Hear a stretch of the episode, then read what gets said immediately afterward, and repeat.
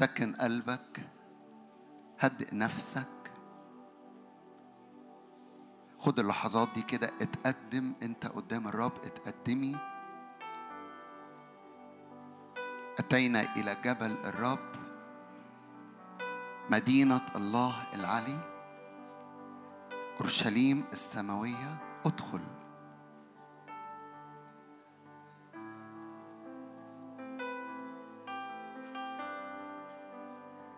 في وسطينا بنؤمن بالاختبار الجماعي وفي هذه اللحظات دخول جماعي للشعب بيدخل قدام الرب يقف قدام الرب.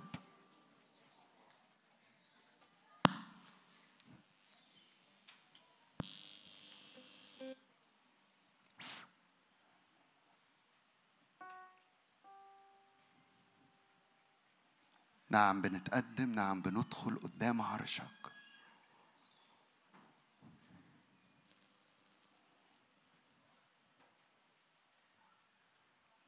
إلى مدينة الله العلي إلى أورشليم السماوية أتينا إلى جبل الرب.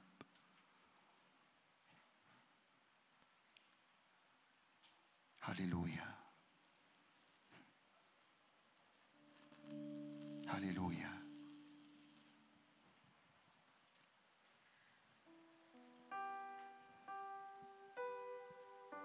لحظات شخصية. رغم دخولنا الجماعي قدام الرب واختباراتنا الجماعية معا لكن دي لحظات شخصية.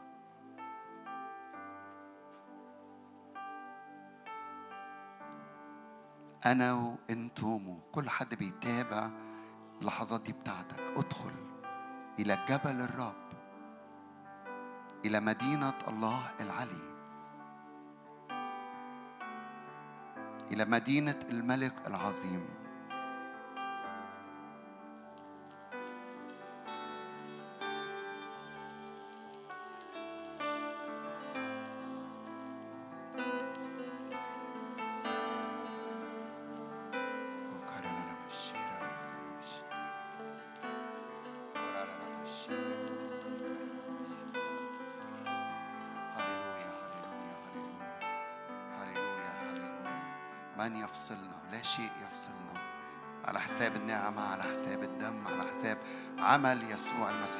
الصليب كسابق لأجلنا ندخل إلى مداخل الحجال.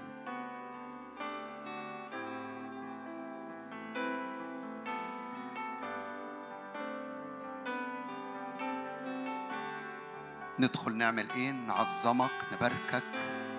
ندخل نعمل إيه؟ نعبدك ونسجد قدامك. ندخل نعمل إيه؟ نرى وجهك ومجدك. ندخل نعمل إيه؟ نتغير إلى تلك الصورة فنخرج شكل آخر. عشان كده ما بنزهقش إن طول الوقت عاوزين نتقدم وندخل أعمق. ليه؟ لأن بنتغير إلى تلك الصورة وبنخرج من هذا المكان. شخص آخر.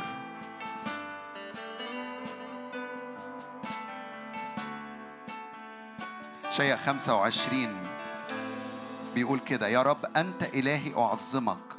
أحمد اسمك لأنك صنعت عجبا. مقاصدك منذ القدم أمانة وصدق لأنك جعلت مدينة رجمة قرية حصينة ردما قصر أعاجم أن لا تكون مدينة لا يبنى إلى الأبد. أي حاجة إبليس بيعملها بتتهدم وأي حاجة الرب بيبنيها بتبقى إلى الأبد. فأي قرية أو مدينة أو أمر إبليس بيحاول يبنيه حتى لو حصينة بتبقى رجمة بتبقى ردم فاعلن إيمانك واعلني إيمانك. وانت بتعظم الرب. كل بنى لعدو الخير بيتهدم وإحنا بنعلي الرب الرب بيستعلن. لذلك يكرمك شعب قوي وتخاف منك قرية أمم عتاه لأنك كنت حصنا للمسكين حصنا للبائس صديقه ملجأ من السيل ظلا من الحر. إذا كانت نفخة العتاة كسيل على حائط كحر في يبس تخفض ضجيج الأعاجم كحر بظل غيمة يذول غناء العتاه ويصنع رب الجنود لجميع الشعوب. فين؟ في هذا الجبل اللي أنا وأنتم جايين نتقدم ليه. ويصنع رب الجنود لجميع الشعوب. في هذا الجبل وليمة سماء. وليمة خمر على دردي سماء ممخة. دردي مصفى. وفي هذا الجبل يفنى وجه النقام. ويفنى في هذا الجبل وجه النقاب النقاب الذي على كل الشعوب والغطاء فأي حاجة على اللي جنبك أي حاجة على الشقة اللي جنبك العمارة اللي جنبك زميلك اللي جنبك في الشغل مش على أولاد الرب. النقاب اللي على الشعوب اللي مغطي كل الشعوب كل الأمم بيفنى من على ولاد الرب وكنيسة الرب. ويفنى في هذا الجبل وجه النقاب. النقاب الذي على كل الشعوب والغطاء المغطى به كل الأمم. يبلع الموت إلى الأبد ويمسح السيد الرب الدموع عن كل الوجوه وينزع عار شعبه عن كل الأرض لأن الرب قد تكلم. ركز في الآيات اللي جاية. ويقال في ذلك اليوم هو هذا إلهنا انتظرناه فخلصنا. هذا هو الرب انتظرناه نبتهج ونفرح بخلاصه. لأن يد الرب إيه؟ في هذا الجبل يد الرب تستقر على هذا الجبل ويداس مؤاب فين؟ في هذا الجبل اللي أنا وأنتم بنتقدم فيه يد الرب بتستقر على محلة الأعداء في نفس اللحظة إيد الرب اللي عليا وعليك بتروح دايسة على على إبليس اللي تحتي وتحتك لأن يد الرب تستقر على هذا الجبل ويداس مؤاب في مكانه إزاي بقى؟ واحدة ورا التانية سنة ورا التانية وأفضل طول السنين. مستني ربنا يدوس على يد مؤاب. لا بصوا بيقول إيه؟ كما يداس التبن فين؟ في ماء المزبلة ده مكان إبليس. كما تداس أو يداس التبن في ماء المزبلة لأن يد الرب تستقر على هذا الجبل ويداس مؤاب في مكانه. كما يداس التبن في ماء المزبلة فيبسط يده فيه كما يبسط السابح ليسبح فيضع إيه؟ عاوزكم تتخيلوا معايا المنظر. إيد الرب بتدوس على مؤاب زي اللي بيعوم وهو بيخبط المية. فايه اللي بيحصل؟ بيداس مؤاب في اللحظة ويصير كلا شيء الآية اللي بنقعد نرددها.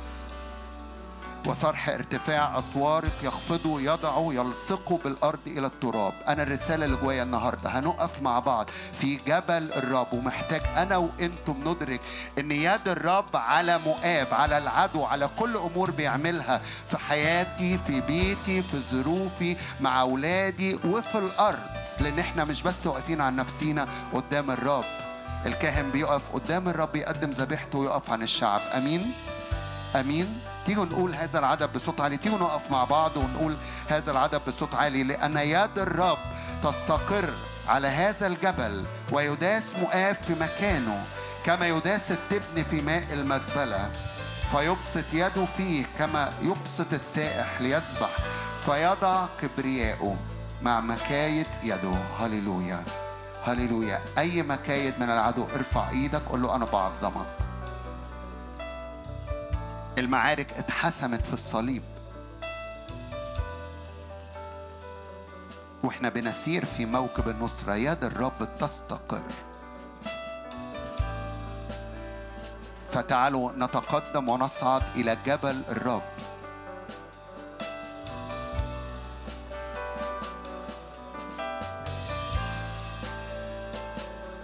جه الوقت إن شعب الرب يعبد ويسبح مش مستنيين ترنيمة ولا حد يقودنا.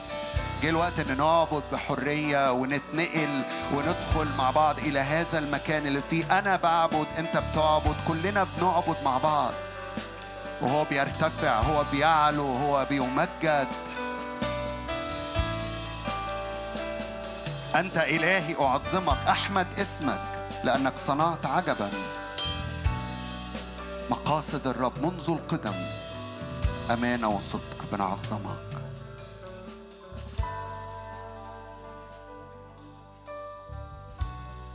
أتينا إلى جبل الرب إلى أورشليم السماوية.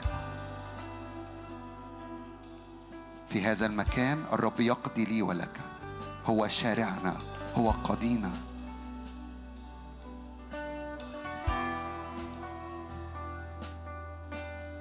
يده تستقر على أعدائك. كما يداس التبن في ماء المزبلة. هللويا يا رب نعظمك. تضع حد. الرب يضع حد لأمور بقى لها سنين في حياة كثيرين. في هذا الاجتماع الرب يضع حد لأمور بقى لها سنين. يضع لها حدا.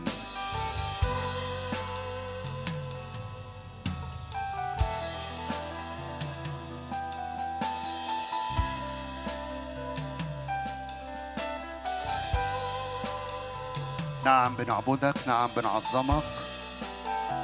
إلهي أنت أرفعك أبارك اسمك.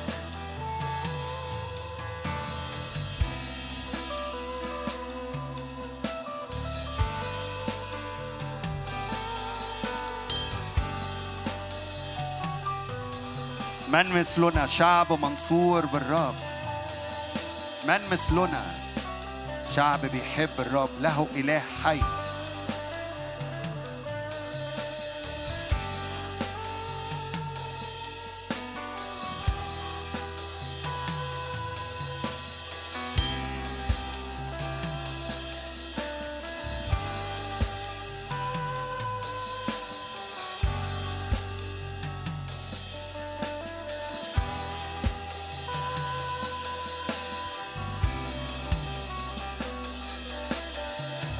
ما زال جوايا أدي هذا الوقت لكل واحد واحدة فينا إنك تعبد الرب. إنك تعبدي الرب.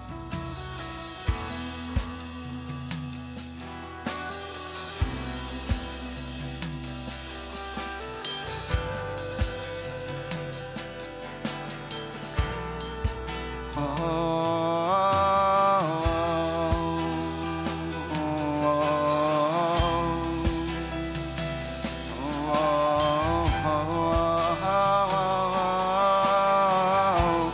صوتك. نغم اعبد. ارفع كلماتك.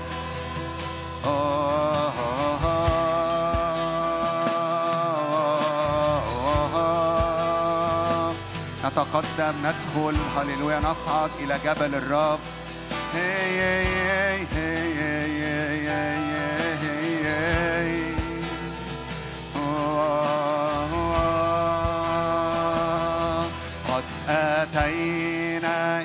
جبل الرب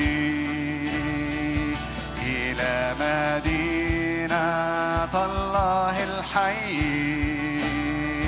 وإلى أورشليم السماوية إلى يسوع واسط العهد الجديد. قد أتينا إلى جبل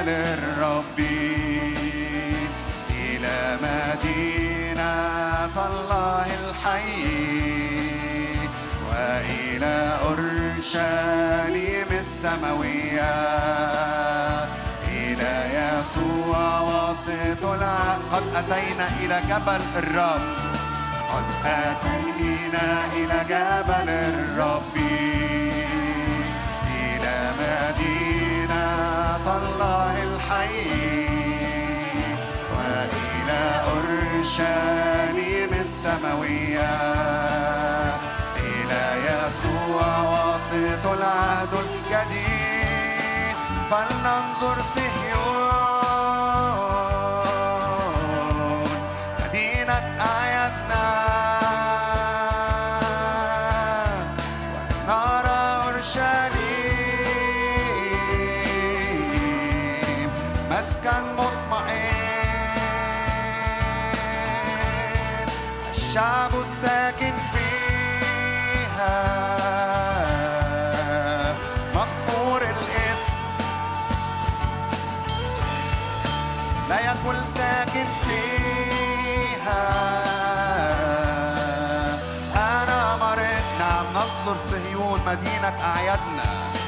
فلننظر صهيون مدينة الملك العظيم مدينة أعيادنا.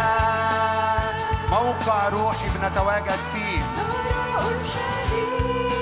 آه، مسكن مطمئن. الشعب الساكن فيها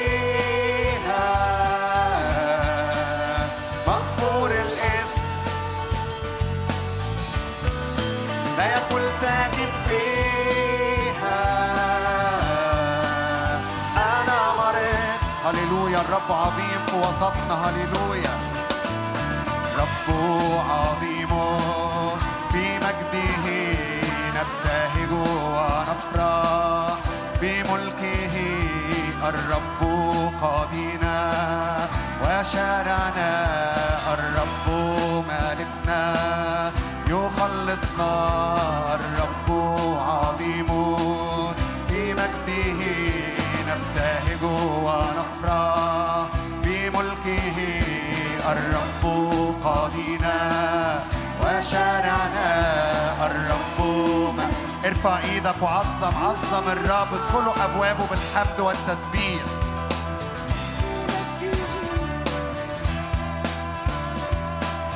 ندخل أبوابه بالحمد ودياره بالتسبيح نبتهج ونفرح بالرب إلهنا. الرب مالكنا يخلصنا. الرب عظيم في مجده نبتهج ونفرح.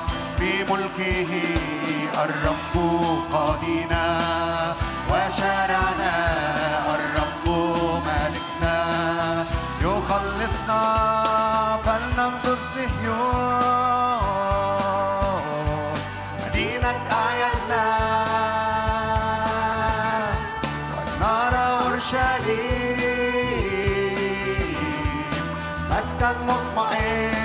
الشعب الساكن فيها مغفور الاسم. الشعب الساكن فيها مغفور الاسم. والمريض فيها بيبرأ ويشفى لأن هو يهوى رفع يهوى رفض يستعلن في وسطنا أنا مريض هللويا رب جاء من علا.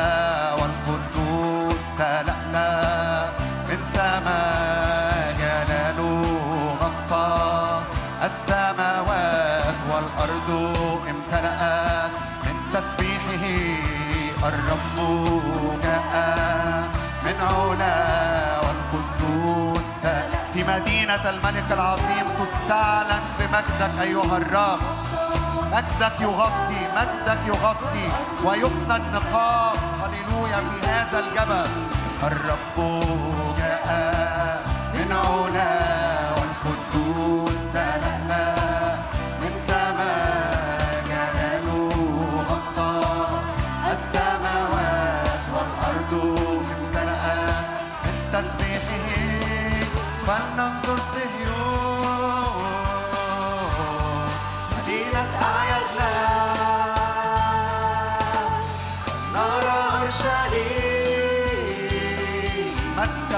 مطمئن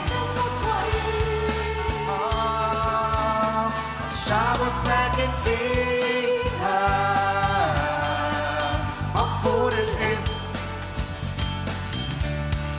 يقول ساكت فيها. أنا مريض. الله جاء الرب جاء من علاه. الرب جاء. يد الرب تستقر على هذا الجبل. هللويا.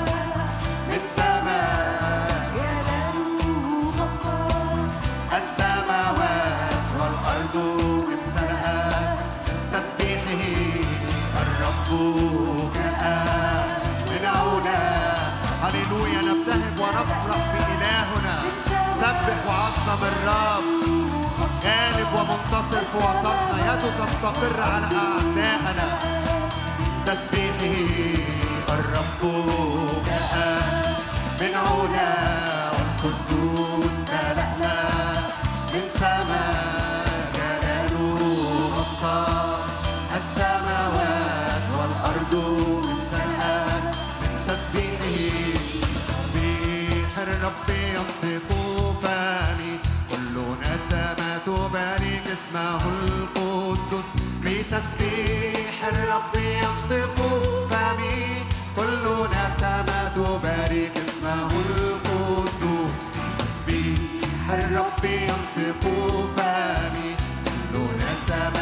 اسمه ندخل أبوابه بالحمد دياره بالتسبيح. نتقدم إلى جبل الرب. كل نسمات بتسبيح الرب ينطق فمي. تسبيح الرب ينطق فمي. كل نسمة تبارك اسمه القدوس بتسبيح الرب ينطق فمي. كل نسمة الرب عاضد كل الساقطين.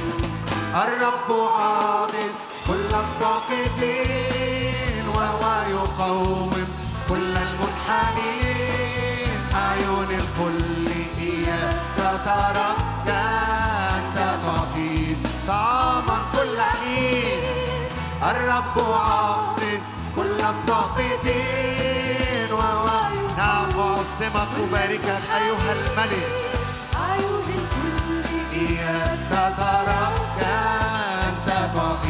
اشبع في محضر الرب وفي بيت الرب الرب ينطق فمي كل نسمة تبارك اسمه القدوس بتسبيح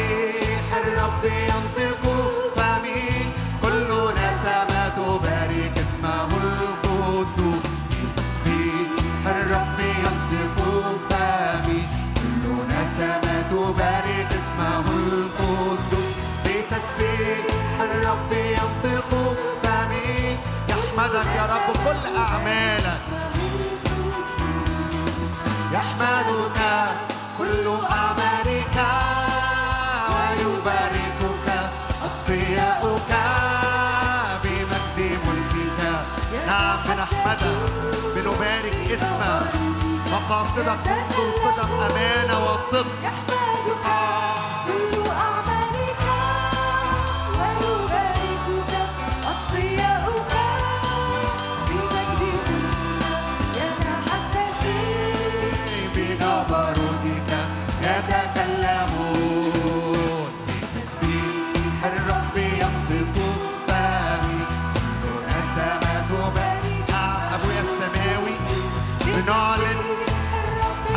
أب صالح وإله صالح.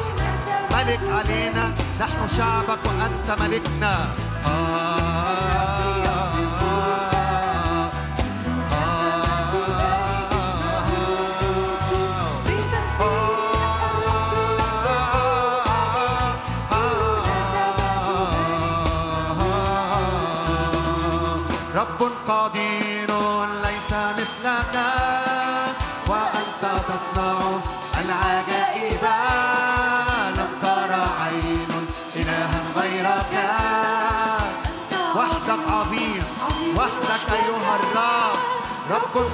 قدير ليس مثلك.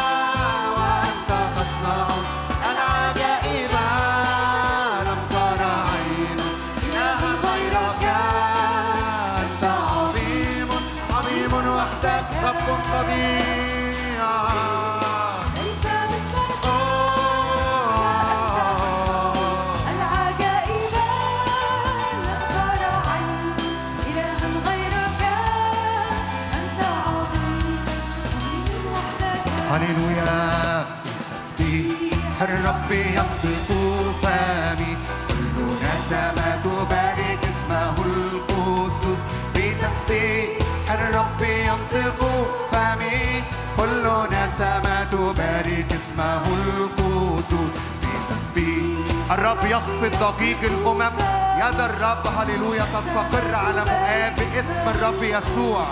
بتسبيح الرب ينطق فمي. كل نسمة تبارك اسمه القدوس. هيا نهتف أمام الرب.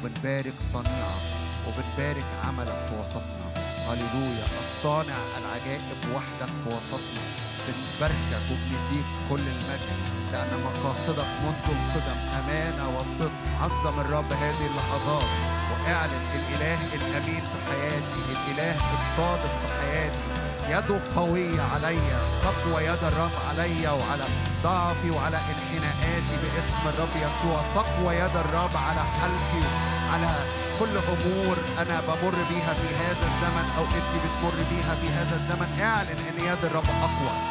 لا ننحصر في ظروفنا لا ننحصر في حالتنا لا ننحصر في ضعفنا بل نعلن إيماننا أن يد الرب تستقر علينا ويد الرب تستقر على العدو. أقف كده بإيمان في هذه اللحظات وإحنا بنسبح الرب واعلن لا تعطيل في حياتي. ارفع إيدك واعلن. كل أمور معطلة في حياتي من قبل الرب لا تعطيل. كان إبليس بيحاول يعطل لا يستطيع العدو مجرد إن إحنا نرفع إيماننا كشعب للرب إن يد الرب تستقر على اللي بيحاول يعطل خطواتك أو خطواتك تقدمك إلى الأمام وتقدمك. امتلاكك باسم الرب يسوع مواعيد من الرب لأنه صادق وأمين. ارفع إيدك واعلن كده لا تعطيل باسم الرب يسوع وإحنا بنعظم اسم الرب في وسطنا. هللويا. كل أمور معطلة. تصير كلا شيء باسم الرب يسوع. أمور بتصلي لها بقالك سنين. اعلن.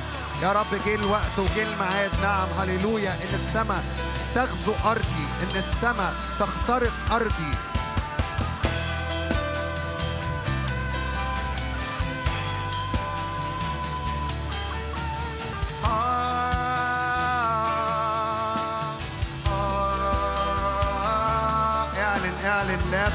باسم الرب يسوع.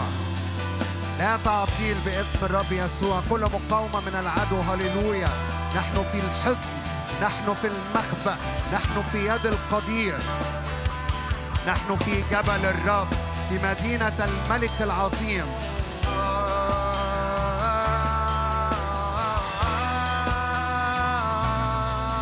نعم بنعظمك لأن يدك قديرة نعم بنباركك لأن يدك قوية هللويا. أجواء المجد أجواء الحضور الإلهي بتخترق أراضينا.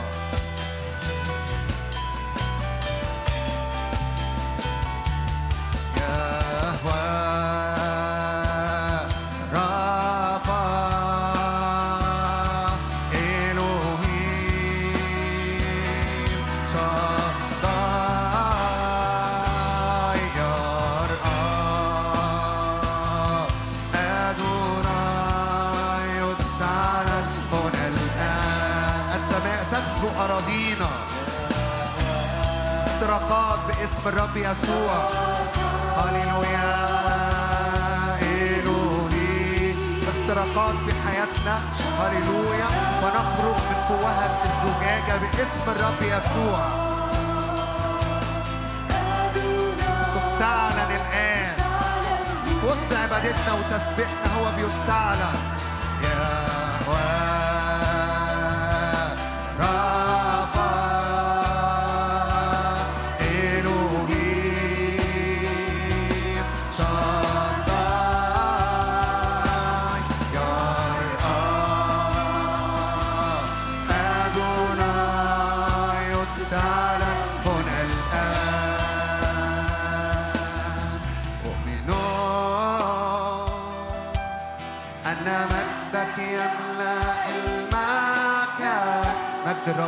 جبل الرب.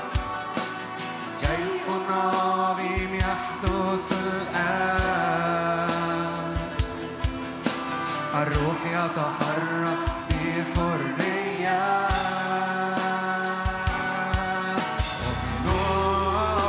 مجد الرب يملأ بيت الرب مدينة الملك العظيم.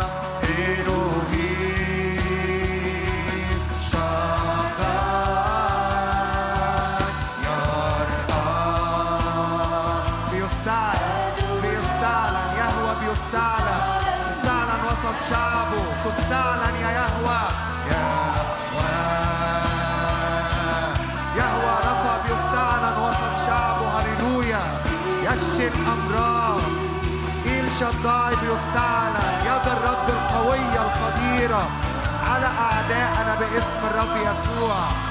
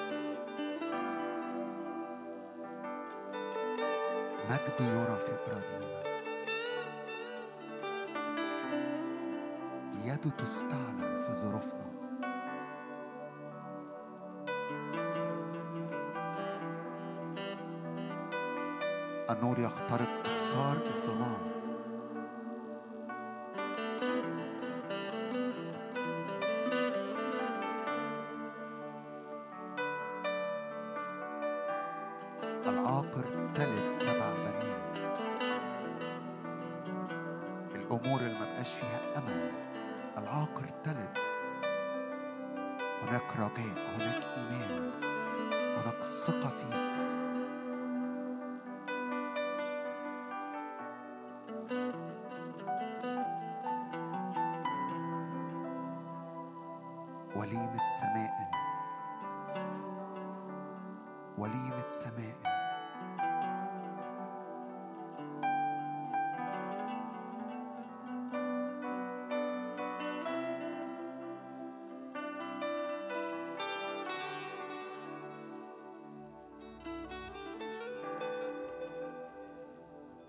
مد إيدك وكل في هذه اللحظات. الرب بيشبع شعبه بيطعم شعبه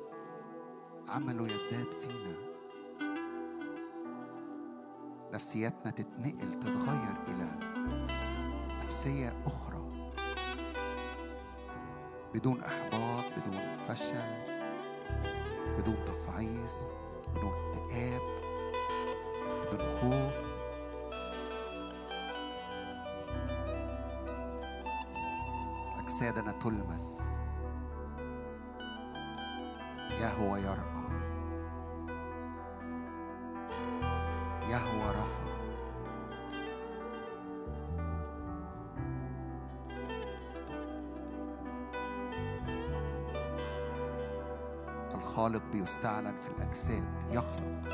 أي أمور محتاجة خلق يخلق. أي أمور محتاجة هبات الروح القدس اللي تخلق من العدم يخلق. خلايا مريضة الرب يخلق. خلايا الكانسر ماتت الرب يخلق. يزرع زرع جديد في الأجساد بصورة خاصة. سواء بنكرياس سواء كبد سواء كلى.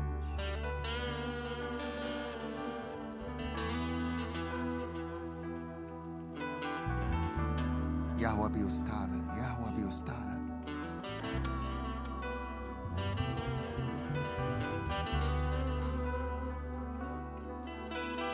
المسكين البائس يتعامل معه الآن يرفعه. يرفعه يرفعك يرفعك.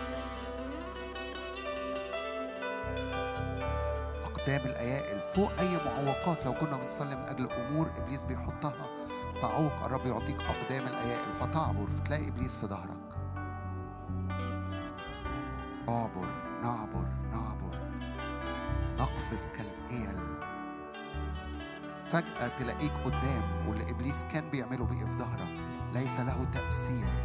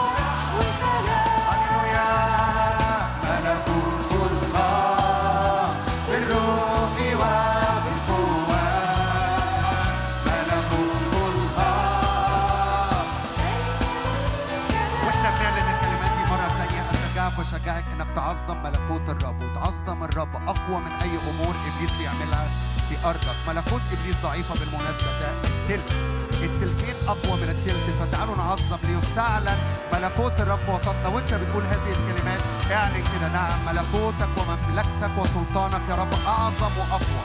آمين. تيجوا تيجوا نعلن نعلن هذه الكلمات مجرد إنك تعلنها بالإيمان في حياتك.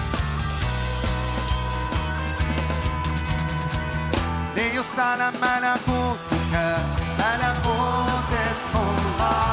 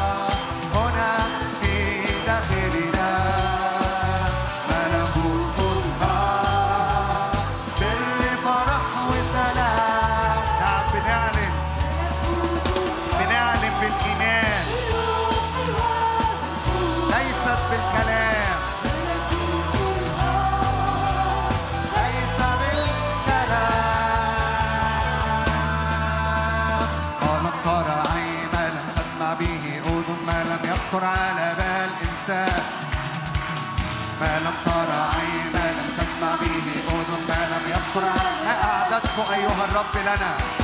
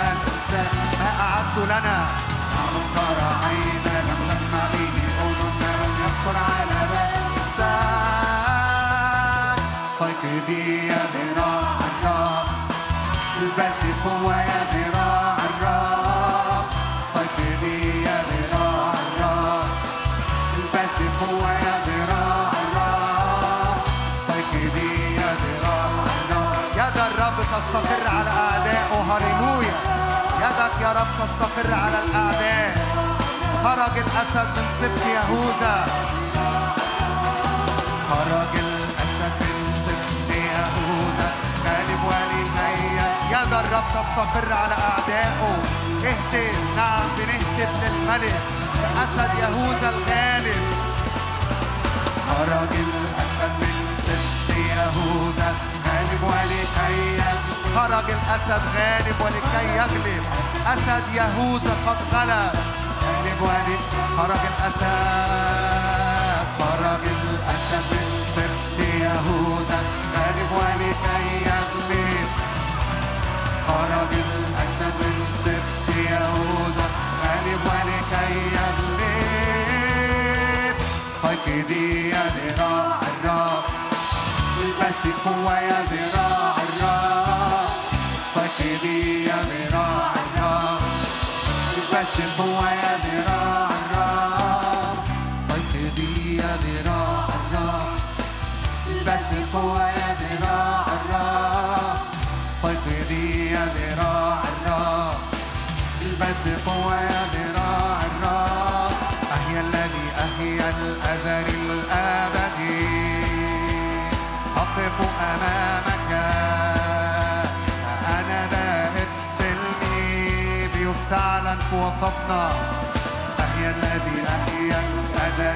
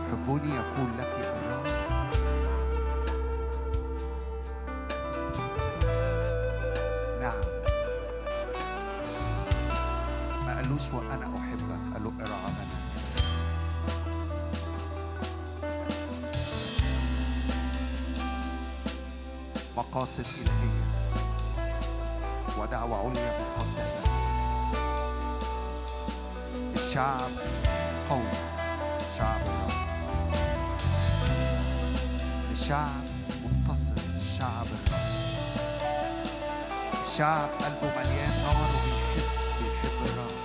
أكثر من أي شيء آخر. نعم نحبك. نعم نحبك. نعم نعبدك. نعم نحيا لك. نعم نخدمك بكل قلوبنا.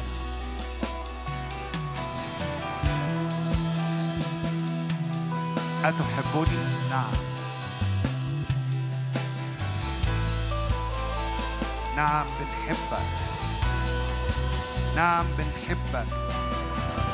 نعم بنعبدك عبادة مش ترنيمات. عبادة قلب.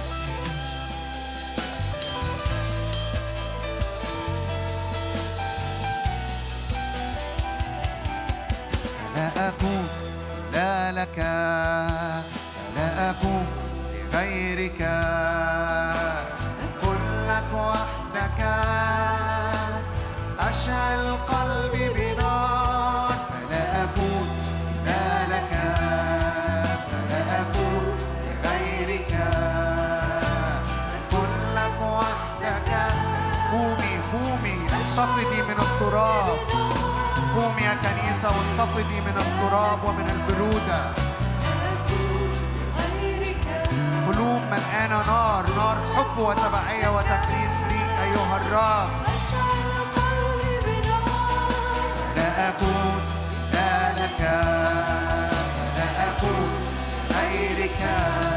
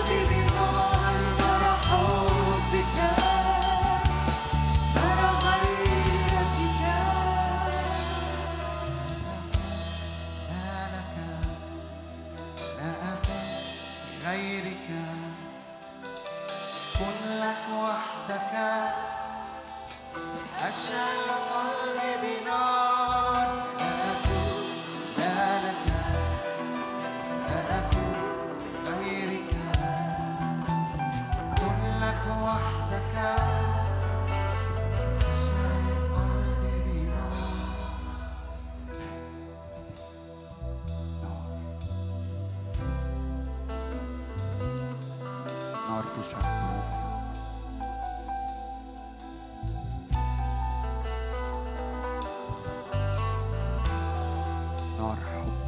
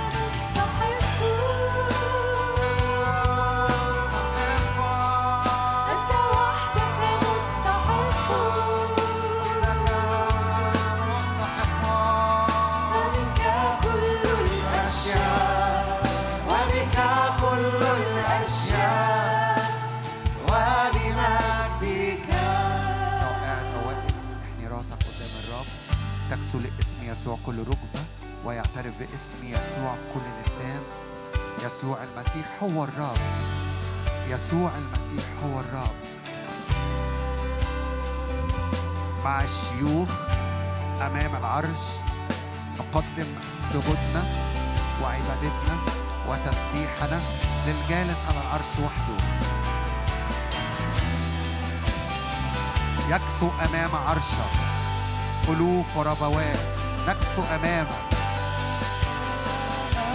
كل عبادة حقيقية لها نتائج في الأرض. كل عبادة حقيقية بتصعد مني ومنك. بتنسكب النار عليها. بتتحرك بتتحرك السماء عليها. اعبد اعبد وقدم للملك الجالس على العرش. عبادة وسجود وحمد. لأنه مستحق. يكفو أمام عرشك.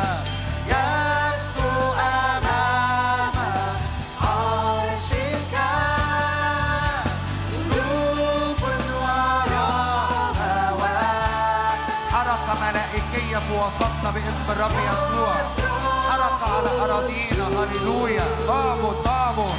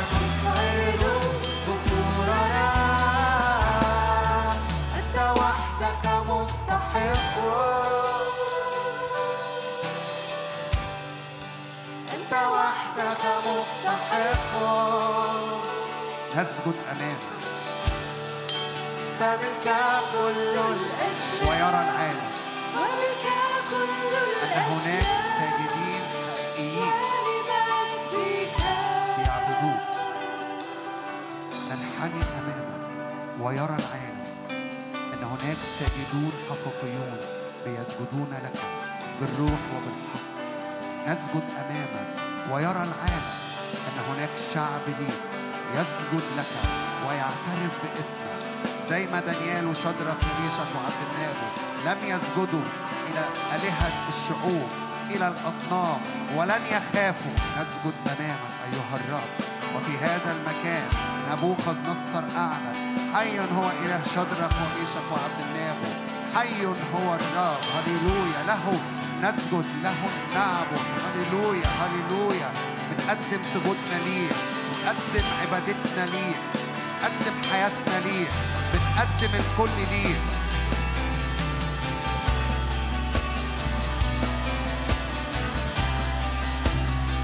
الكل الكل. أي حاجة تانية منحنيين تحتيها ساجدين ليها خايفين منها. نعم.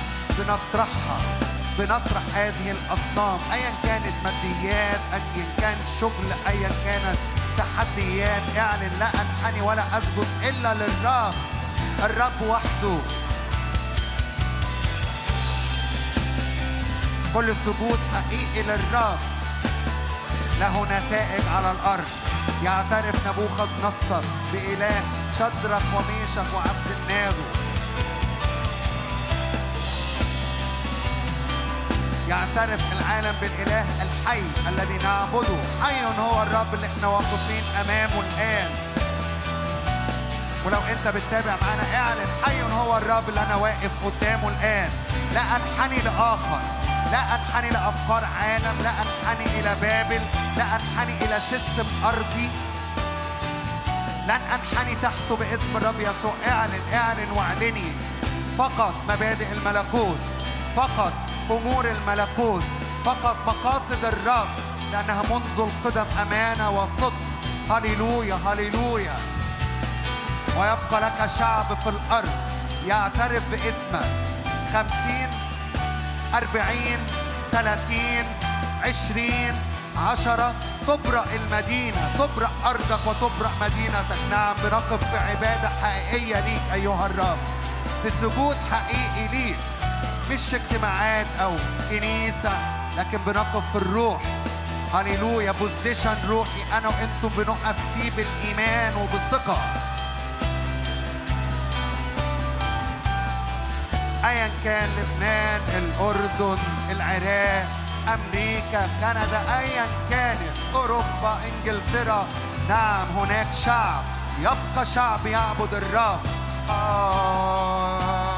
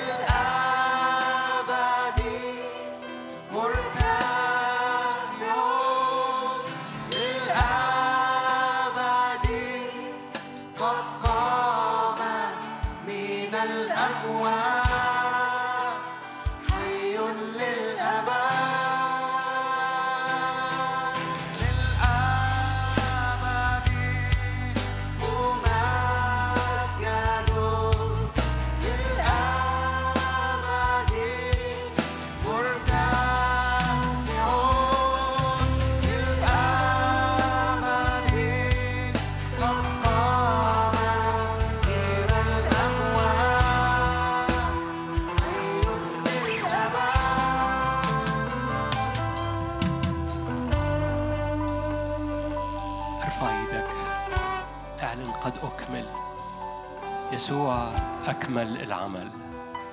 في القاعة أو في البيت قاعد أو واقف مجرد ارفع إيدك في مظلة.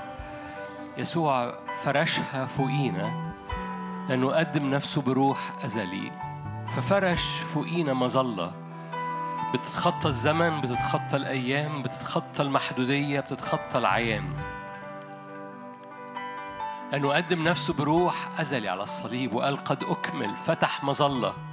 هذه المظلة بت بت بتغطي التاريخ فبتغطي تاريخك حياتك ماضي حاضر ومستقبل.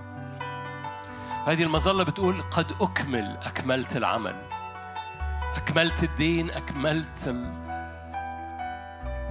أكملت الخلاص. أكملت الفداء أكملت الشفاء أكملت رفع اللعنة. أكملت المحبة محبة كاملة. تطرح الخوف إلى خارج. أكملت الإبراء أكملت افتداء البشرية أكملت مصالحا العالم لنفسه في ابنه. قد أكمل. فاعلن هذه المظلة على حياتك. قد أكمل. It is finished. جرد اعلن هذه المظلة بتغطيك. It is finished. غطي ذهنك بتغطي مش بس الماضي و... لكن بتغطي النهارده وبتغطي كل المستقبل إلى أن ترى يسوع. إلى أن تتقابل مع يسوع. قد أكمل. It's finished. It's finished. فعلنك بتغطي كل شيء. بتبرأ كل شيء. كل مشاعر كل أفكار كل نفسية كل نفسنة كل أرواح شر كل ضغوطات كل أمراض كل بؤر مرض كل بؤر فساد. صلي من أجل الكل واعلن تنبأ وشرع عليها. It is finished. قد أكمل قد أكمل قد أكمل. دم يسوع بيطهر روح القيامة بيقوم. هللويا الصليب بيموت الفساد والقيامة بتقوم الحياة. الصليب بيموت الفساد والموت. بيبلع الموت في الصليب والقيامة بتقوم الحياة. فمتنا معه وقمنا معه فاعلن حياتك متغطية باسم الرب يسوع. تاريخ الإدمان قد أكمل it's finished. تاريخ المرض it's finished. تاريخ اللعنة الموروثة أيا كان نوعها باسم الرب يسوع قد أكمل. إن كان كوليسترول متوارث إن كان أمراض قلب متوارثة إن كان نبضات قلب مش منتظمة متوارثة باسم الرب يسوع. هللويا. اعلن قد أكمل. Finished. قد أكمل. تنبأ معايا. قد أكمل. إن كان نقرس متوارث إن كان آلام والتهابات روماتويد متوارثة اعلن قد أكمل. Finished. يسوع حمل البشرية كلها في الصليب. حمل البشرية كلها في جسده. فمرة تاني كل أمور متوارثة كل أمور ماشية كأنها خط ماشي في العيلة. قد أكمل. It is finished. خلصت خلاص. يسوع حول الزمن. حول الزمن. ما قبل الصليب وما بعد الصليب. ما قبل الفداء وما بعد الفداء. العالم بيقسم العالم. ما قبل الميلاد وما بعد الميلاد. إحنا بنقسم حياتنا ما قبل الفداء وما بعد الفداء. لأنه قد أكمل. It is finished. It is finished. It is finished. قد أكمل. مظلة نعمة غطاء. فمش محتاج تبص ورا لأن ورا قد أكمل. مش محتاج تقلق من بكرة لأن بكرة قد أكمل. مش محتاج تبص تحت رجليك لأنه يديك مسالك لأنه قد أكمل. حتة واحدة محتاج تبص ليها عينيه. حتة واحدة محتاج تبص ليها وجهه. حتة واحدة ما تنزلش عينك من عليها محبته. حتة واحدة بتثبت طريقك. اسمه. لأن اسمه قدوس. لأن اسمه قدوس ومرتفع وعالي. لأن اسمه بيثبت الرجلين والطريق والحياة والدعوة والخدمة. لأن اسمه بيثبت نفسك مرساة لنفسيتك داخلة ومؤتمنة إلى مداخل الحجاب. في زمن مفيش ثبات للنفسية في مكان نفسك لها مرساة فيه. هللويا. الروح ياخد نفسيتك إلى هذا المكان. الروح يأخذ نفسيتك ومشاعرك إلى هذا المكان إلى مداخل الحجاب. مرساة للنفس مؤتمنة وثابتة إلى مداخل الحجاب. حيث دخل يسوع كسابق لأجلنا على رتبة ملكي صادق. عشان كده بنعظمه وبنمجده عشان كده بنسكن عنده عند رجليه. عشان كده بنشخص وبنتأمل وبنصمت في محبته لأن هو بيصمت في محبته. هو قال كفوا واعلموا إني أنا الرب كفوا واعلموا إني أنا الرب. هللويا. بيوتيفول هو جميل هو جميل هو جميل. أبرع جمالا. هو جميل. بيطلق جمال لطريقك وجمال لحياتك. هو جميل. هللويا. عوضا عن القبح جمال عوضا عن الزهق جمال عوضا عن الطعم الوحش جمال. هو جميل هو beautiful هو جميل لك. يأخذك إلى أرض جمال يأخذك إلى أرض راحة يأخذك إلى أرض راحة. راحه من رب من كل جهة. beautiful beautiful باسم اعلن معايا ان هو جميل لك. جميل لقلبك جميل لنفسك جميل لمشاعرك جميل لأرضك. اعلن هو جميل لك. وكل حاجة مش جميلة هو بيحولها ليك. هو رفع القبح رفع الرماد لكي يعطينا الجمال. هو رفع عنا كل كل فساد عشان يطلق جمال ويطلق بهاء ويطلق صور وإعلان ونبوة وألوان. هللويا. قوس في السماء مليان عهد نعمة هو جميل يطلق جماله في أجواءك. يطلق ألوانه في أجواءك. يطلق افتداءه في أرضك هو جميل. بيضرب أرضك بجماله. هللويا. فتشعر إن أرضك جميلة بيتك جميل ولادك جمال. خدمتك جميلة تجارتك طيبة. يحول لك إلى جمال.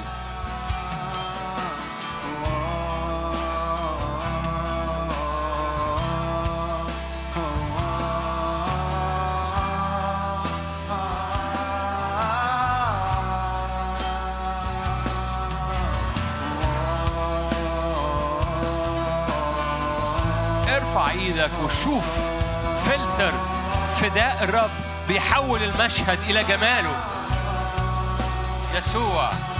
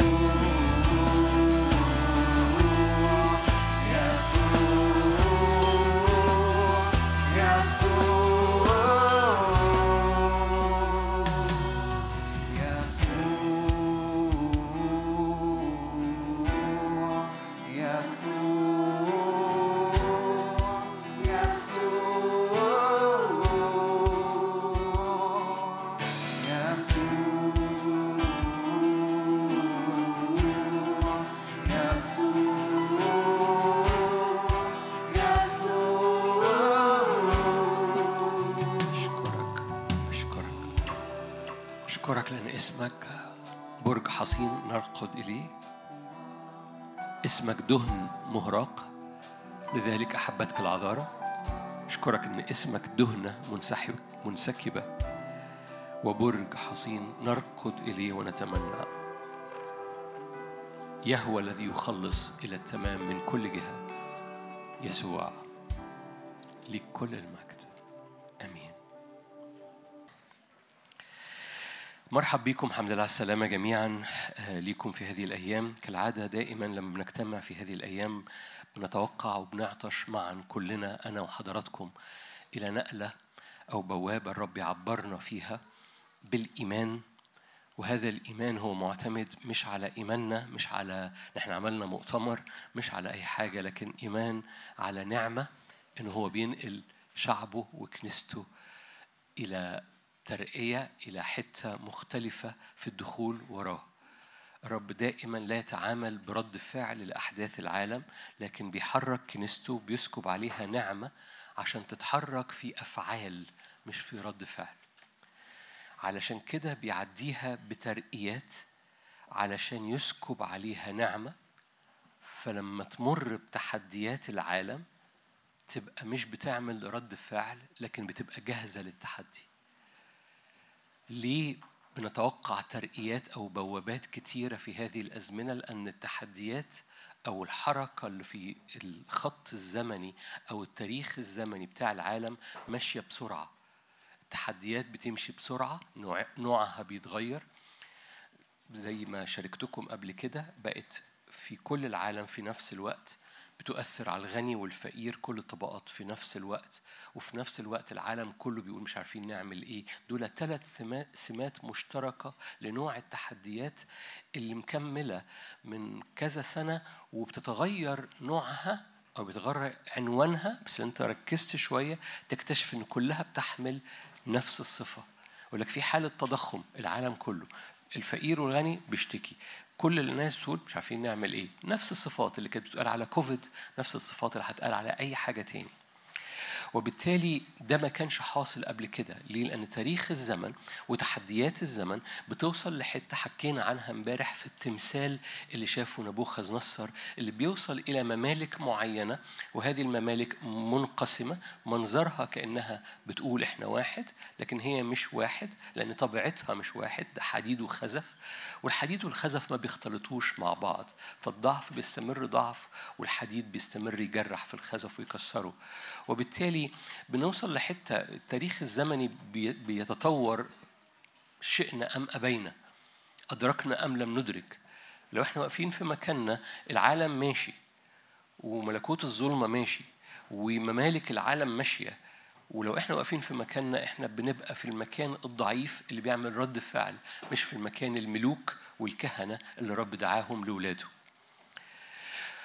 فالممالك العالم عمالة بتزداد فقدان في القيمة بتزداد هشاشتها من ذهب إلى فضة إلى نحاس إلى حديد إلى أصابع من خزف وحديد ودي الممالك الأخيرة اللي فيها وفي زمنها الرب من فوق الجبل مش بيد مصنوعة بإنسان بيدحرج هذا الحجر هذه المملكة وهذه المملكة في أزمنة هؤلاء الملوك. في أزمنة هؤلاء الممالك المنقسمة الحديد والخزف رب يقوم باني مملكته ومملكته تدوم إلى الأبد. فده التاريخ اللي على الأرض. وهذا التاريخ اللي على الأرض بيستمر شئنا أم أبينا. لكن إحنا موجودين في الأرض لوقت مثل هذا. عشان التاريخ اللي في الأرض يتم التأثير عليه لأن إحنا موجودين في الأرض من أجل التأثير في الأرض أنتم نور أنتم ملح ملوك وكهنة. وموجودين في الأرض علشان لوقت مثل هذا بيبقى الرب وزي ما هنشوف النهارده الرب اختار وده مقاصد في الرب يعني الرب اختار أن يعمل في الحقبة الزمنية أو في التاريخ النبوي اللي على الأرض ده من خلال اولاده ده اختيار الرب. هنشوف مع بعض في آيات النهارده. فالرب اختار إنه يستعلن ملكوته مش بيد إنسان لكن بالنعمة لكن من خلال فوق الجبل إنه يدحرج هذا الحجر لتحت الجبل ويثب- ويثبت ملكوته في وسط التاريخ. ففي تاريخ أرضي بي- بيسير شئنا أم أبينا بس في تاريخ نبوي. وليه نبوي؟ هو تاريخ روحي الرب أعده من قبل تأسيس العالم للكنيسة. عشان كده بنقول نبوي. يعني إيه نبوي؟ ما تتخضش من الكلمة. كلمة يعني إيه؟ يعني ده تاريخ الرب رآه من قبل تأسيس العالم لأن بر الرب بره الزمن وكل كلمة هي كلمة نبوية الرب يتنبأها على الأزمنة الجديدة أو الأزمنة اللي جاية. والشعب الرب أو الأنبياء والمفروض كل شعب الرب أنبياء إلهكم جميعكم تتنبؤون بيستقبلوا الكلمة النبوية عشان ينطقوها لأن ده خط نبوي الرب اطلقه على التاريخ. يا إما بنعيش فيه فبنعيش بحسب المشيئة يا إما بنعيش أيامنا وليالينا وكده والخلاط بتاعنا فبنعيش بندور في نفس الحتة ويبقى الجينات بتاعتنا جينات البرية اللي بتلف حوالين نفسها كال كالكلب يعود إلى قيئه وده ما تتخضش من هذا التعبير ده تعبير كتابي موجود في رسالة بطرس أو زي ال- الحيوان اللي بيلف عشان يلحق ديله يعني. فبنلف بهذه الطريقة لأن إحنا مش مدركين إنه إن الزمن ماشي وإحنا محصورين في في center نفسينا في center ديلنا في center ضعفنا لو. لو جاز التعبير إن ديلك هو ضعفك يعني أو أو مشكلتك هي ديلك فأنت بتلف حوالين ديلك عشان كده بعد كده حد ما حدش يقول أنا عندي ضعف أو أنا عندي مشكلة عشان ولا يبقى أنت عندك ديل ف أنا آسف أنا بهزر عشان بس anyway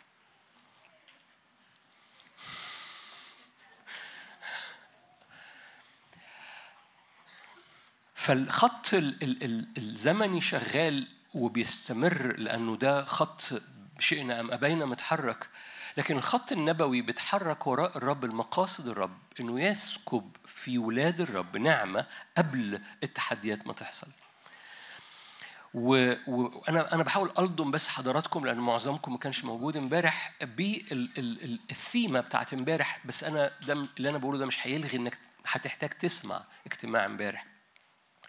لأنه في شواهد أو في ترتيب معين لحق للكود بتاع الآية المحورية اللي اللي أنا هقولها لك بعد دقائق بس الكود موجود إنه إنه في في خط نبوي وأنت محتاج تجد الموقع الروحي بتاعك فيه لأن أنت ليك موقع روحي في الخط النبوي بتاع الرب من قبل تأسيس العالم. ده مش كلام عجيب أو كلام مجعلظ أو كلام أعلى من مستوى أي حد موجود حتى لو أول مرة تحضر اجتماع زي كده. ببساطة معظمكم سمعتوا هذه الآية اخترنا من قبل تأسيس العالم. واخترنا لأعمال صالحة قد سبق الرب فعدها حط الآيتين مع بعض. فهو عارفك من قبل تأسيس العالم وهنكمل في حتة بعد دقايق في الحتة دي. هو عارفك من قبل ت...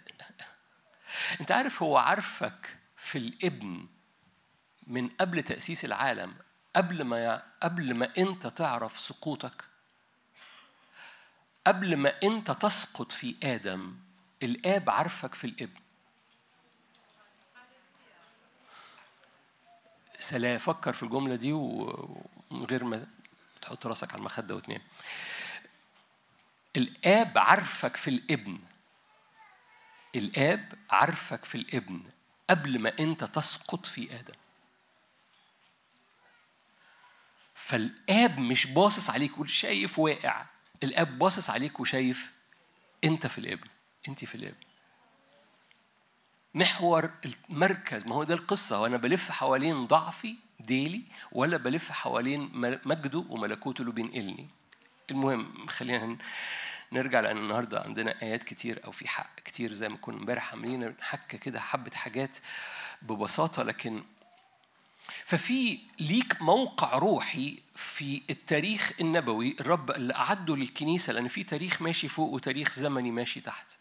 هذا التاريخ النبوي أنت ليك موقع روحي فيه لأنك الرب اختارك من قبل تأسيس العالم.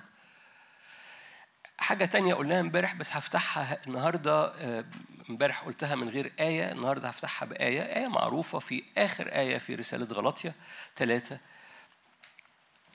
آخر آية في رسالة غلطية ثلاثة صح ثلاثة يعني. آه، غلطية ثلاثة وآخر آية موجودة فيها. امبارح أنا اديت خلفية بقصة وهذكر القصة بس لكن هذكر هنا الآية فقط. إن كنتم للمسيح. آخر آية في غلطية ثلاثة إن كنتم للمسيح فأنتم إذا نسل إبراهيم. وحسب الموعد ورثة. إن كنتم للمسيح. كل حد أنا مؤمن موجود هنا هو بيقول أنا للمسيح بقلبه بنفسه بفكره بحياته بروحه. إن كنتم للمسيح فأنتم إذا نسل إبراهيم. فحضرتك من نسل إبراهيم يعني لو اتكتب الجينيولوجي أو تاريخ الأنسال بتاع حضرتك في نسل رايح تجاه والد ووالدة حضرتك وفي نسل آخر رايح تجاه إبراهيم. ففي نسلك الأرضي متحرك من والد ووالدة حضرتك ونسلك الروحي متحرك تجاه إبراهيم. فهتلاقي وهذه أنسال منى. ماشي؟ إبراهيم ولد إسحاق وإسحاق ولد. طب دي مش أنسال منى. no no no دي أنسال منى بحسب الروح. لأنها من نسل إبراهيم. إن كنتم للمسيح فأنتم إذا نسل إبراهيم وحسب الموعد ورث. ولو أنت من نسل إبراهيم وموافقني على هذه الآية نسل إبراهيم كل واحد من نسل إبراهيم له موقع روحي في هذا المصير النبوي اللي الرب أطلقه على إبراهيم وعلى نسله. لأن الرب أطلق مصير نبوي على إبراهيم وعلى نسله. وهنا في الآية لحسن تكون بتشك في مستوى حجم البركة اللي في الآية. قال لك أنت مش بس من نسله أنت نسله ووارث الوعود بتاعته. فأنت في نفس النسل وفي نفس البركة لأن ال- ال- المسيح نسل إبراهيم هو في نسله مش في الأنسال في نسل إبراهيم في المسيح يسوع. كل الوعود كل الورث فرجوعا مرة تاني. لما الرب قطع الطريق على يعقوب يعقوب ما كانش واخد باله كان بيشتغل كان عنده مشاكل كان سارق البركة كان هو اسمه يعني المحتال أو الفهلوي أو اللي بيلعب بالبيضة والحجر اللي عايش في العالم والعالم بيخبط فيه وهو بيخبط في العالم وهو مش واخد باله إن في مصير نبوي على حياته لأنه من نسل إبراهيم. أنا بقول الجملة دي عشان أنا بحط اسم حضرتك وحضرتك في الآية. حضرتك إبراهيم. اللي ماشي عايش بتشتغل بتحضر اجتماعات. يعقوب كان بيقدم ذبايح كان بيحب الرب كل حاجة بس بيخبط في الدنيا والدنيا بتخبط فيه. مؤمن بي- بيترزع وبيرزع. مؤمن بيسرق البركة مؤمن بيحاول يوصل لحاجة مؤمن بيحاول يحقق حاجة.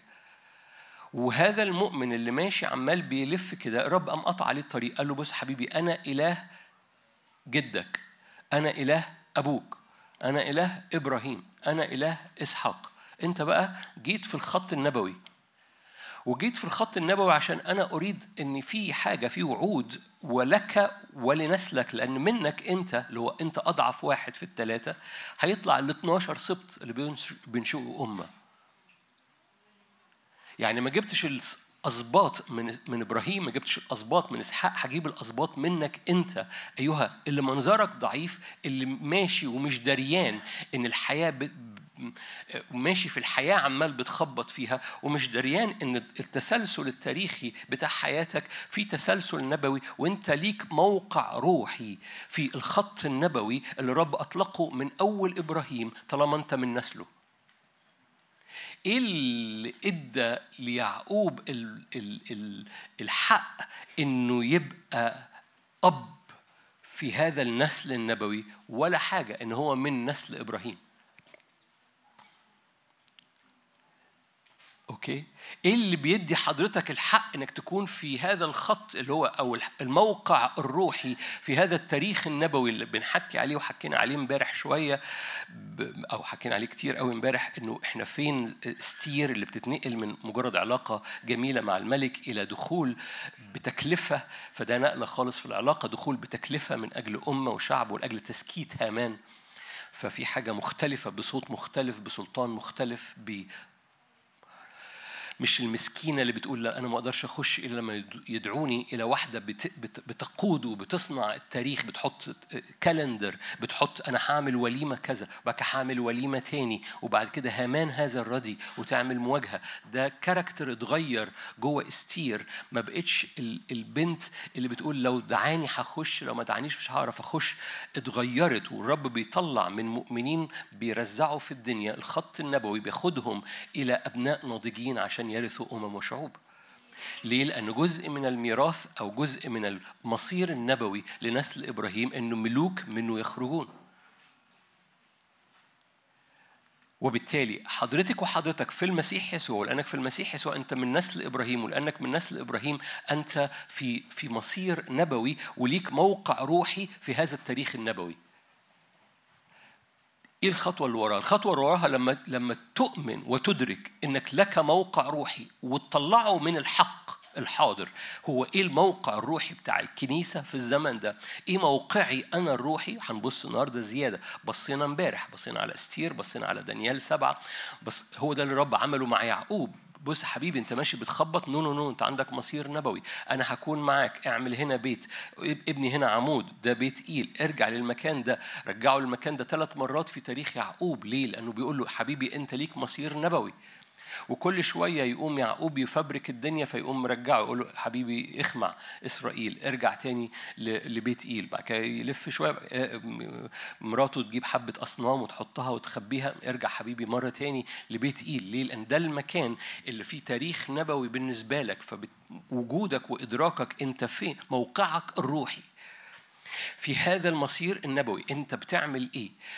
في بعض الأحيان ممكن تاخد بحسب الحق الكامل يعني الحق الحاضر للزمن زي ما حكينا مثلا إستير. إيه حالة الكنيسة؟ بتتنقل من بتحب الرب وممسوحة وبتخش قدام الملك إلى تكلفة في الوقفة ونقلة في الشخصية لكي تقف قدام هامان وتسكته لكي تحط هي التواريخ هي اللي حطت تواريخ الولايم. فاكرين وشتي؟ أنا ما أنا حاجة ما قلناهاش امبارح عشان كانوا حاضرين امبارح. الملك هو اللي كان بيحط مواعيد الولايم. عمل وليمة لزوجته وشتي ماشي؟ وشتي مش جاية ماشي؟ وشتي اتشالت. جابوا أستير عمل وليمة لأستير هو اللي بيحدد.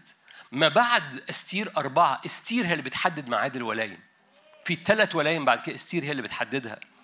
في في ليه؟ لأنه حصل الشفت ومحتاج تدرك البعد النبوي في سفر أستير لأنه في سفر أستير لما وشتي دخلت حصلت ترقية روحية وفي شخصيتها فتحول الأمر إن الملك هو كل القصة اللي أستير هي الكتابة المكتوبة باسم الملك والمختومة بختم الملك لا ترد فبقت أستير هي اللي بتكتب استير هي اللي بتحدد مواعيد الولايم استير هي اللي بتعمل الفوريم وبتقلب المؤامرات بتاعت هامان. فاكرين القصة؟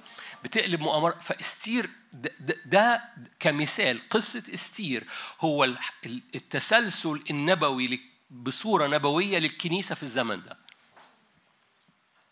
فتقولي إيه الموقع الروحي بتاعنا النهارده؟ أقول لك استير إيه الموقع الروحي بتاعنا النهارده؟ موسى وهو داخل في النار بعد ست أيام واقف بيتفرج على السحابة. واقفين قدام الرب وبنحب الرب وبنحب الحضور وبنرنم الحضور وكل حاجة. بس في اليوم السابع ده في اليوم الأخير في اليوم السابع الرب يقوم منادي علينا يقول لك خش في النار. ده نقلة مختلفة في طبيعة مختلفة. فده حكينا عنها قبل كده. فهذه الشواهد هي شواهد بتحمل بعد نبوي. ل- للتاريخ. إحنا فين؟ في. في الكتاب بحسب حق حاضر. يعني من الحق بس إيه النقلة اللي رب يعملها في الكنيسة في الزمن ده؟ مربوطة بالأمم مربوطة بممالك العالم مربوطة بتمثال نبوخذ نصر والممالك اللي في الآخر دي. وإحنا موقعنا فين في هذا الزمن؟ فموقعنا في هذا الزمن هو مربوط بإستير مربوط بالوقوف أمام الديان ديان الجميع اللي الاسفار بتاعت الأمم والشعوب بتتفتح مربوط بهذا المكان. مربوط بإدراكنا هنحكي النهارده شوية عن ملكي صادق بس مش هحكي عن ملكي صادق بصورة خاصة. مربوط بهذا الإعلان لأن من زمان من زمان من زمان كان في خادم غريب بيقول لك إنه رتبة ملكي صادق لها تأثير في نهضة الأزمنة الأخيرة بس مش موضوعنا دلوقتي. وبالتالي وجود إدراكك ل- لموقعك الروحي في الخط النبوي اللي ماشي فوق بالمقارنة بالخط الزمني اللي ماشي تحت وممالك الأرض اللي حكينا عنها امبارح بكل وضوح ولمسنا فيها دلوقتي. فالخط الزمني ماشي ده بشئت أم أبيت أما الخط الروحي أنت محتاج تتنقل معاه بالإيمان في النعمة. ولو فقدت نقلات لأنك كنت متشتت ما كنتش مركز النعمة بترد ليك بس من فضلك ارجع واستيقظوا إنها ساعة الآن نستيقظ. إنها فالبسوا أسلحة البر أسلحة النور. ليه؟ لأنها ساعة الآن لنستيقظ إنه أنا مش مش مش خلية آه، أميبية عايشة في الفضاء بترزع وبتترزع. أنا أنا سهم مبري في يد الجبار. أنا مرة تاني أنا مش خلي... عارفين يعني إيه خلية أميبية؟ يعني حاجة كده هو ملهاش أي شكل ولا طعم ولا معنى تتفعص والعالم يفعص فيها وت... وهي تت... تت... تتكيف على تفعيصات العالم. الصورة الكتابية بيقول لك أنت مش كده. ده انت نورك محدد ذو اسنان ده انت سهم مبري بيد جبار. دي الصورة الكتابية ده انت أسد وراء الرب هنحكي مع بعض يمكن شوية بالليل حسب ما تسمحوا لي. وبالتالي ببساطة ال ال هرجع للجملة دي إدراكك لموقعك الروحي. واستعملت امبارح هذه الآية وهذه الآية محبوبة جدا ليا ما كنتش بشارككم بيها كتير زمان بس أنا بأنهضها قدامكم في عبرانيين عشرة. كم الرسائل اللي جات لي حتى من بلاد متنوعة بسبب هذه الآية امبارح بالليل والنهاردة الصبح كتير جدا. عبرانيين عشرة. آية خمسة لذلك عند دخوله العالم آدي بموت فيها. عند دخوله العالم. أخويا حسام من السعودية بعت لي رسالة مخصوصة على الآية دي. عند دخوله إلى العالم يقول ذبيحة والقربان لم ترد ولكن هيأت لي جسدا. وال- والمشهد يجنن المشهد جميل وبحب قوي تعبير دخوله إلى العالم زي ما يكون قلت كده امبارح زي ما يكون الرب جاي من من الأبدية جاي من الازل وبيخش إلى العالم. ولما دخل إلى العالم الآب ما كانش طالب ذبيحة ما كانش طالب دم علشان يهدي يهدي الغضب إله متعطش للدماء زي الأصنام بتاعت العالم. هو ما كانش بيدور على ذبيحة ودم عشان يهدي غضبه هو كان بيدور على حب لولاده يتحدوا بيه في الابن يسوع المسيح عشان يضم ولاده ليه ويضم البشرية ليه. فهيأ له جسدا. ما كانش عايز ذبيحة كان عايز جسد. يا رب تنور. هو ما كانش بيدور على دم. هو كان بيدور على الخليقة كلها تتجمع في الابن والابن كله يتجمع في الآب.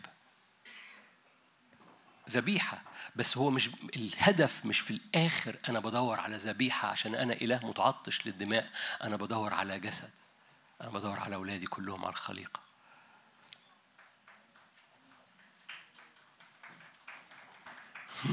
في خمسة عزو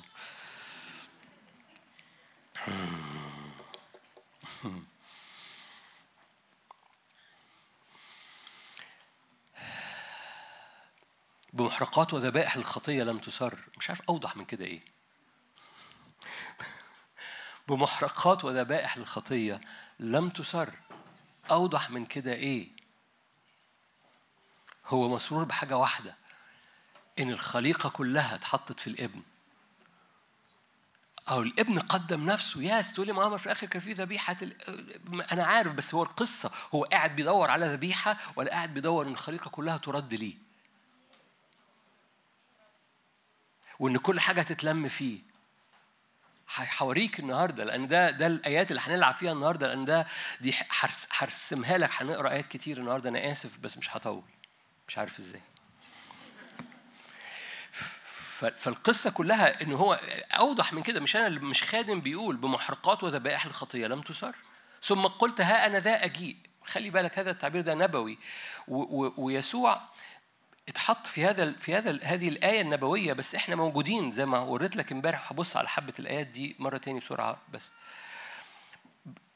يسوع محطوط في الخط النبوي ده لأن ده دي نبوة في العهد القديم. ها أنا ذا أجيء لأفعل مشيئتك يا الله. لأنه ها أنا ذا أجيء في درج الكتاب مكتوب عني. آية سبعة so- sorry آية سبعة. ثم قلت ها أنا ذا أجيء في درج الكتاب مكتوب عني لأفعل مشيئتك يا الله. ما أروع بصوا إمبارح أنا ركزت على على جزء هنا. عايزك عايزك تركز على جزء تاني النهارده. ما أروع لا خليكي في الآية ما تنزليش. خليكي في الآية. ما أروع إنك تقف قدام الرب. وقدام نفسك وقدام العالم وتقول مكتوب عني.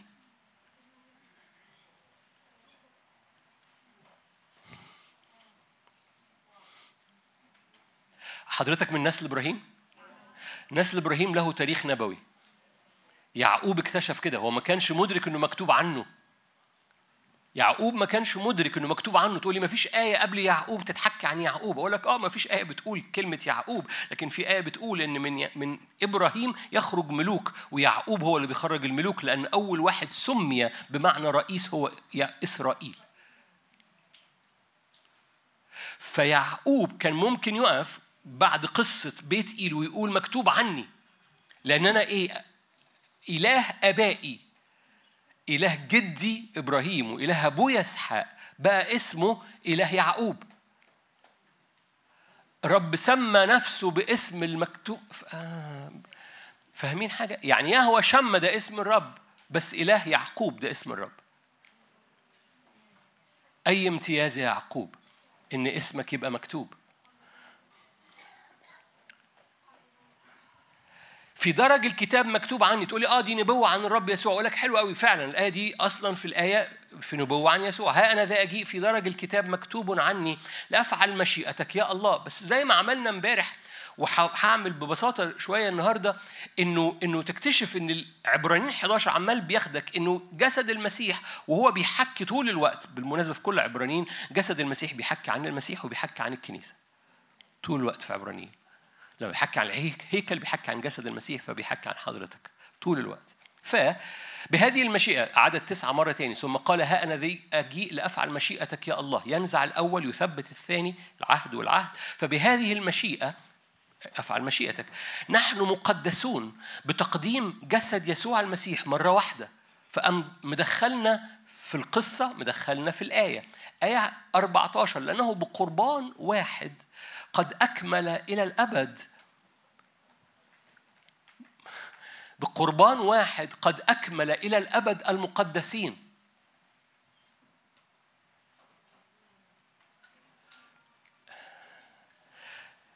أنت عارف إنك أكملت إلى الأبد؟ تقول نو أنا لسه أقول لك أه هنا هو أنت شو أنت في- ماشي في أنهي خط؟ أنت واقف فين؟ فوق الجبل ولا تحت الجبل؟ أنت في يسوع القائم ولا ولا ولا بتروح وتيجي؟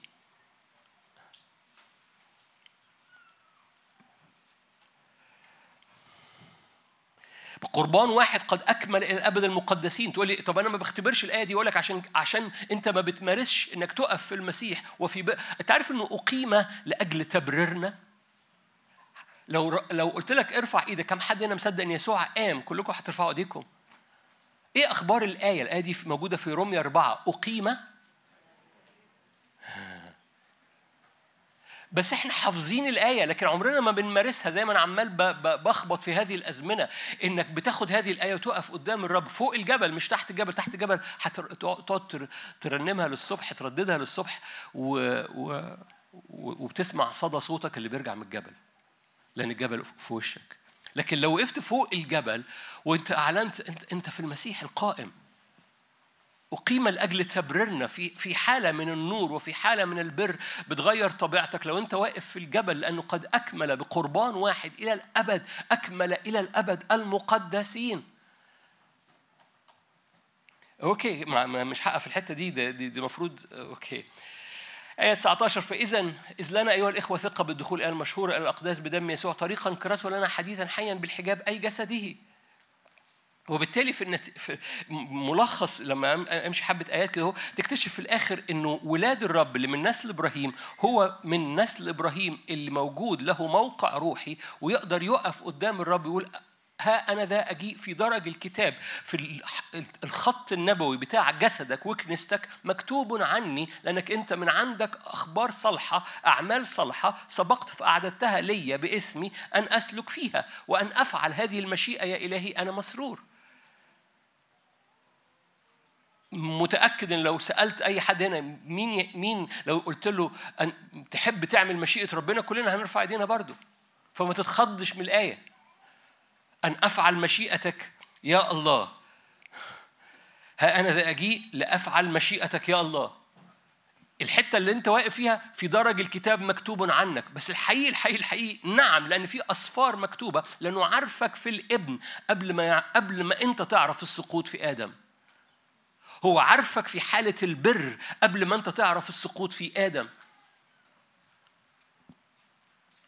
وهنا الجملة هو عارفك في حالة البر قبل ما انت تعرف السقوط في آدم. بالخطايا ولدتنا أمنا فاتولدنا وعلينا حالة آه، يسموها إيه؟ انسومنيا آه، فقدان ذكر اتولدنا في حالة من الخطية في حالة من في حالة من الانفصال وكلمة انفصال تعني في الآخر خطية همارتشا يعني انفصال. وبالتالي ولدنا في حالة انفصال وفي حالة الانفصال ده حاصل فقدان ذاكرة لل- للآب إنه عرفنا إزاي؟ لأن الآب عرفنا في حالة البر اللي في الابن قبل ما أنت تعرف حالة السقوط اللي في آدم. وأنا بكرر الجملة لغاية لما ترشق جواك. لأن دي هويتك. إدراكك إنك موجود في درج الكتاب إدراكك إن في سفر مكتوب باسمك بينقل طبيعة احبائي كورش ما كانش مؤمن. كورش ما كانش مؤمن كان بيعبد أصنام. دخلوا دانيال في يوم من الأيام قالوا by the way بالمناسبة حبيبي اسمك مكتوب في درج الكتاب مكتوبا عنك. أنتوا هنا؟ ده أنا ده أنا خلاص خلصت امبارح ودخلت في النهارده. في درج الكتاب مكتوب عنك. والتقليد اليهودي كلكم سمعتوني بحكي عن كده. التقليد اليهودي يقول لك إن كورش دخل أوضته وقفل عليه طول الليلة بيقرأ سفر اشعيا لأن اشعيا هو اللي كتب عن كورش قبل ما يبقى كورش موجود بمئات السنين. يقول لك صحي من النوم كورش أصدر تشريع. كل شعب الرب يرجع ويبني الهيكل. إيه الحلاوة دي؟ وأنا اللي هدفع. ليه؟ لأنه في درج الكتاب مكتوب عني. أن أفعل مشيئتك يا الله. مش كلكم واخدين بالكم. إدراكك إن في خط روحي نبوي وانك جزء من تتميم هذا الخط الروحي النبوي ينقل معنى حياتك. ده نقل حياة كورش. كان عايز أجي وآخد اسم حضرتك أقول لك أنت عارف إن في في درج الكتاب مكتوب اسمك. تقول لي مش في درج ده اسمي مش موجود في الكتاب المقدس. أقول لك آه بس في اسفار بتتفتح في دانيال سبعة وهذه الاسفار منها اسفار كل واحد لأن ده اسفار مش سفر الحياة. فيها اسفار الأمم مقاصد الرب للأمم. فيها اسفار للأمم. أمال أنت فاكر الإصحاحات الكتيرة اللي على الأمم والشعوب دي؟ دي إصحاحات موجودة كده عشان تملى ورق مثلا أو أو مجرد يعني ربنا بيقول أنا جدع أو بيخلي الأنبياء يقولوا كلام كبير على الفاضي. نو no, دي اسفار الأمم.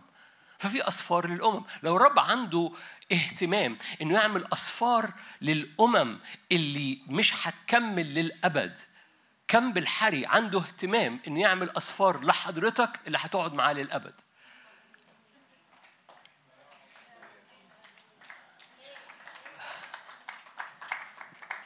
في الأغلب بقوا سبعة كانوا خمسة بقوا سبعة.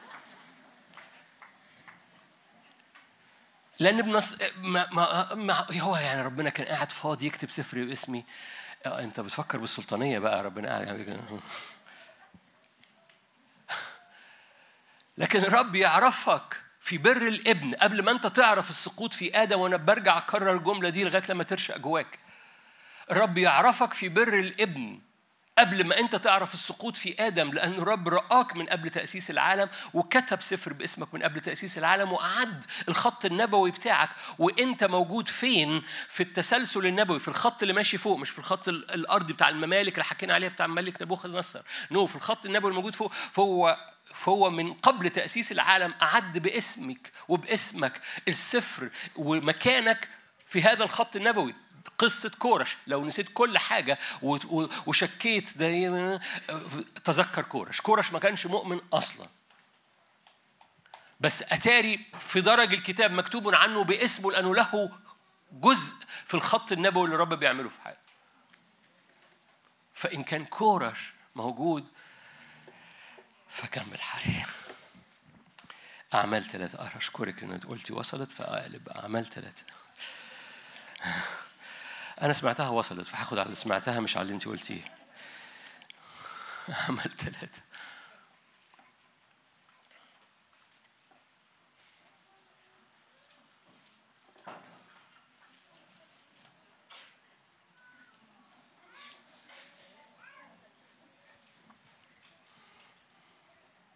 أعمال ثلاثة آه، من أول 17 كده يعني هنقرأ آية يعني ده جزء آه، بعضكم عارفه وسمعني بتكلم فيه قبل كده بس أنا هأضعه لأنه جزء من يعني من الخط النبوي.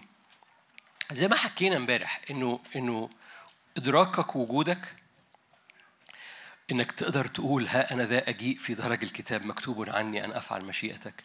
ده بينقل حاجة في روحك بيديها حدية وبينقل حاجة في نفسك وده اللي ده اللي أنا يعني ببنيه النهاردة أو الرب عايز يبنيه النهاردة. وبيبني حاجة في نفسيتك إنها تكون أكثر دقة في م- مش مش مش بتتخبط بقى مش أنا ملياش قيمة كده. no no no ده أنا في درج الكتاب مكتوب عني في الخط النبوي اللي في قلب الرب. أعمال ثلاثة الوعظة بتاعت بطرس بعد ما قام المفلوج الأعرج من بطن أمه على باب الهيكل الجميل. آية 17 لأن أيها الأخوة أنا أعلم أنكم بجهالة عملتم كما رؤساءكم أيضا أما الله فما سبق وأنبأ به بأفواه جميع أنبياء أن يتألم المسيح قد تممه هكذا. يعني بيقول لهم بصوا يسوع دفع الثمن لهذا الرجل أن يقوم. فتوبوا وارجعوا لتمحى خطاياكم لكي تأتي أو لكي تأتي أوقات الفرج من عند الرب. تعبيرات صغيرة أنا هحاول أمشي بسرعة لأن هنقلب في آيات بعضها معروف أو بعضها سمعتوني بحكي فيه بس هلمسه بطريقة مختلفة شوية. آه، أوقات الفرج أوقات الانتعاش بعض يسميها أوقات النهضة. في الأصل في يعني لما تبص على الكلمة في الأصل كده يعني أوقات هبات الروح القدس. أوقات انتعاش أوقات هبات الروح القدس أوقات نفخات من فم الرب فبيقول لهم إيه بصوا يسوع أكمل العمل خلي بالك الوعظة دي متقالة إمتى الكونتكست مهم. الوعظة دي ما بعد معجزة المفلوج اللي عمره ما مشي. وبالنسبة لهم دي تقريبا هي أول خبطة مع التلاميذ ومع معجزة كل الناس أدركتها. و... و... ويسوع مش موجود يسوع صعد خلاص و... و... و... وانسكب الروح القدس already ودي أول يوم. okay فخلي بالك اللي بطرس بيقوله مربوط بال context ده أو بالسياق ده. فبيقول بصوا يسوع أكمل العمل. ده آية اللي قبليها. سبق الله وأنبأ به بأفواه جميع أنبيائه وأن يتألم المسيح قد تممه هكذا. يسوع أكمل العمل. أوكي. عشان كده الراجل ده قام فتوبوا. ده بيتكلم بقى الناس. فتوبوا وارجعوا لتمحى خطاياكم لكي تأتي تأتي أوقات إيه؟ انتعاش نفخات الروح القدس من وجه الرب. يعني كأنك واقف قدام وجه الآب والآب إيه؟ هي من وجه الآب. الآب نفخ الروح القدس في آدم وهو بيخلقه. بعد القيامة يسوع نفخ في وجوههم قال اقبلوا الروح القدس. القيامة بتعمل فتأتي أوقات انتعاش من عند الرب. خلي بالك. فهو بيقول لهم بصوا شايفين الراجل اللي قام ده؟ ده بداية موسم. لو رجعتوا يعني غيرت اتجاهك وقفت قدام وجه الآب هتلاقي وجه الآب بي- بينفخ في وشك. هتفهم حاجة؟ ببساطة ده اللي بيقوله بطرس. بطرس بيقول لهم بصوا الآب نفخ في آدم بقى آدم نفسا حيا يسوع بعد ما قام نفخ لا دي روح القيامة. ده مش الصعود لم يكن يسوع قد مجد بعد بس يسوع بعد القيامة قام نفخ في وجوههم دي أوقات انتعاش فرج من عند الرب. نفخ في وجوههم كما أرسلني الآب أرسلكم أنا. بطرس بيقول لهم بصوا شايفين الراجل اللي قام ده؟ ده بداية موسم مختلف ده بداية موسم انتعاش. لو رجعت وقفت قدام وجه الآب الآب هينفخ في وشكم. فتأتي أزمنة من عند الرب. كمل معايا. ويرسل يسوع المسيح المبشر به لكم قبل. برضو هذه الآية بتتقري بالعربي والناس ما بتاخدش بالها أو معظم الناس ما بتاخدش بالها. ده مش بيتكلم عن المجيء الأول ليسوع. ده النط للمجيء الثاني ليسوع. يرسل يسوع المسيح المبشر يسوع لسه كان طالع. أنتوا عارفين الكنيسة الأولى كانت عايشة إن يسوع جاي بعد بكرة. فبطرس بيقول لهم بصوا لو وقفتوا قدام وجه الآب الآب هيقعد ينفخ فيكم ينفخ في سرتكم ينفخ فيكم دي أزمنة الفرج أو الانتعاش من وجه الآب ماشي؟ لغاية المجيء التاني.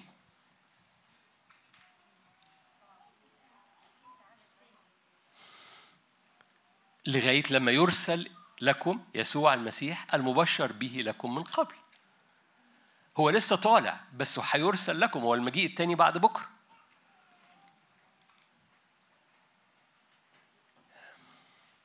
لا أنتوا هتساعدوني إحنا لسه في أول الكلام.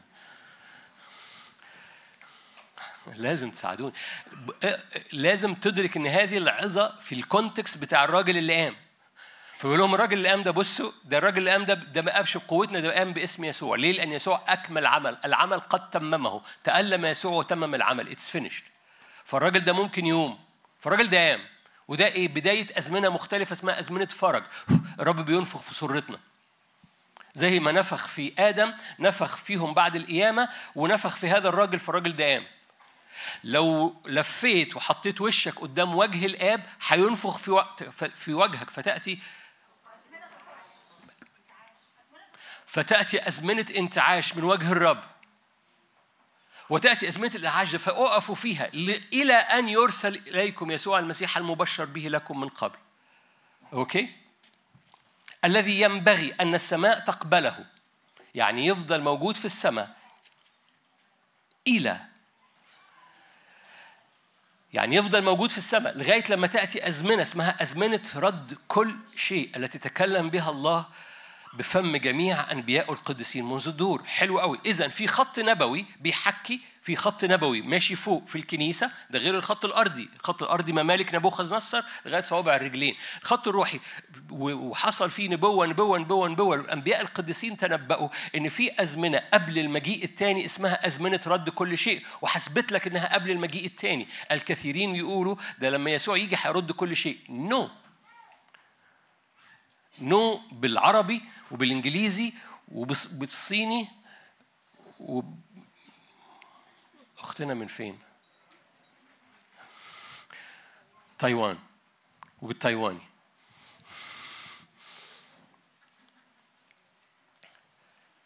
وبالجزائري وبالإريتري. لا مش بالسوهاجي لا. السوهاجي ده محل.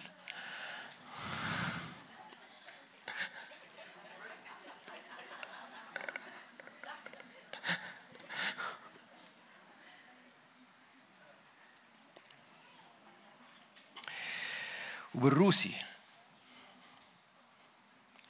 نيخت. حلو قوي بالروسي. أحلى من نو. نيخت. وفي يقولوا نيشت بالماني بس anyway ايا كان انسوا. اقطعوها من ال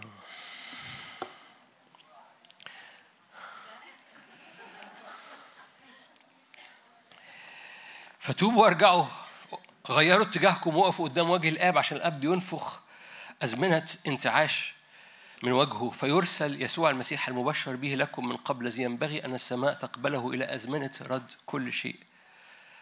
خليني أقول لك آه، آه، أنا دخلت نفسي في حتة طبعا أنا عارف آه، لما قلت مش يسوع هيجي فتبتدي أزم- أزمنة رد كل شيء ابتدت في الصليب. فاخواتي اللي هم بيقولوا إن أزمنة رد كل شيء ده لما يسوع يجي يعملها أزمنة رد يسوع في الصليب ابتدى رحلة رد كل شيء. ففي في الصليب يسوع كان بيرد برك وبيرد هويتك وبيرد حياتك وبيغطي روحك وبيولدك من فوق. فيسوع في الصليب ابتدى هذه الأزمنة. فده أول إجابة ل... دماغك بتا... بتاعت no دي. أول إجابة لدماغك تقول no no no دي قصة لسه ده مش في مش الخط ده إحنا مش في الخط النبوي بتاع أزمنة رد كل شيء. لا حبيبي إحنا فيه. وده خط نبوي مهم مهم إنك تجد موقعك فيه وتدرك أنت في أنهي أزمنة. لأنك لو أنت أدركت في أنهي أزمنة أنا بطبق بقى اللي إحنا قلناه في أول عشر دقائق على على هذه الآية. لو أنت أدركت أنت في أنهي أزمنة في الخط النبوي ادركت إنك ليك موقع روحي هتقف في المكان فوقف نفسك في المكان أمام وجه الآب لأن الآب هينفخ فيك أزمنة انتعاش تقوم المفلوجين اللي حواليك.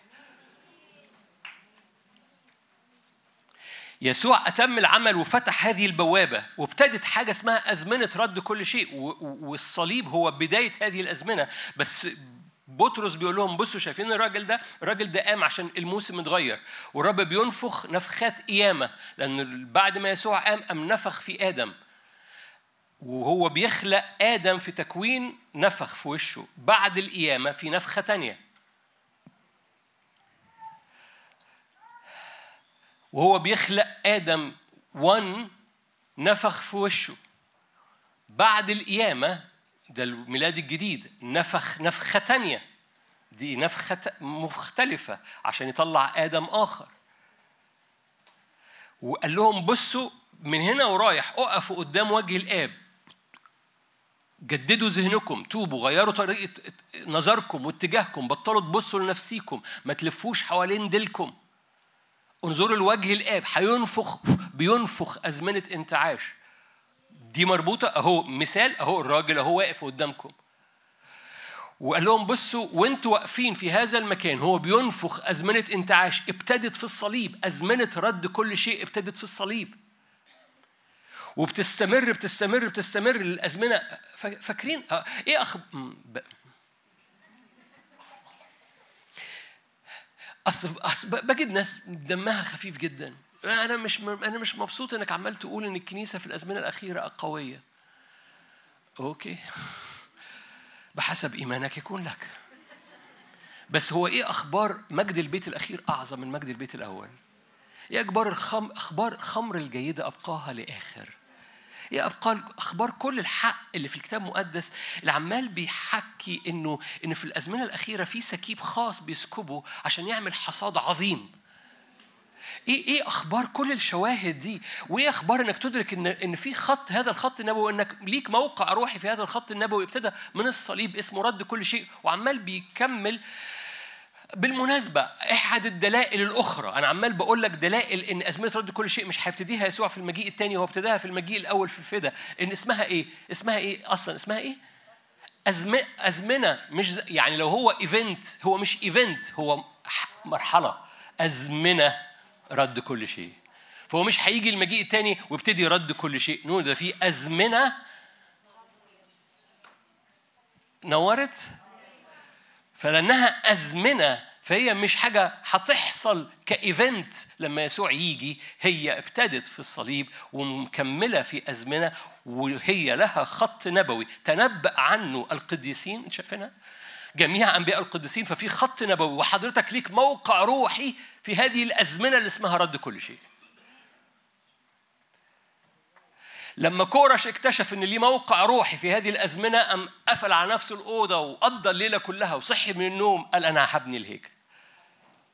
حضرتك في درج الكتاب مكتوب عنك أن تفعل مشيئة الله النبوية الموجودة في الخط النبوي اللي فيها حاجة اسمها بتقف بت بينفخ في وشك ورد كل شيء بيحصل. فإيه اللي يحصل؟ المفلوجين اللي حوالين حوالينك يقوموا لأن هو ده ال context بتاع القصة. لما في آخر ملاخي عشان كده في ملاخي آخر سفر في العهد القديم وبيتكلم عن العهد الجديد بيتكلم عن مجيء يسوع حصل صمت بعد كده بعد ملاخي. ختام ملاخي بيقول لك إن إيليا يأتي ويرد كل شيء. ليه؟ لأنه بيتنبأ عن بداية هذه الأزمنة وده السبب نمرة أربعة إن أزمنة رد كل شيء مش هيبتديها يسوع في المجيء الثاني يعمل event هي أزمنة فهي plural هي جمع هي هي هي already ابتدت في الصليب. ملاخي تنبأ عنها عن المجيء الأول.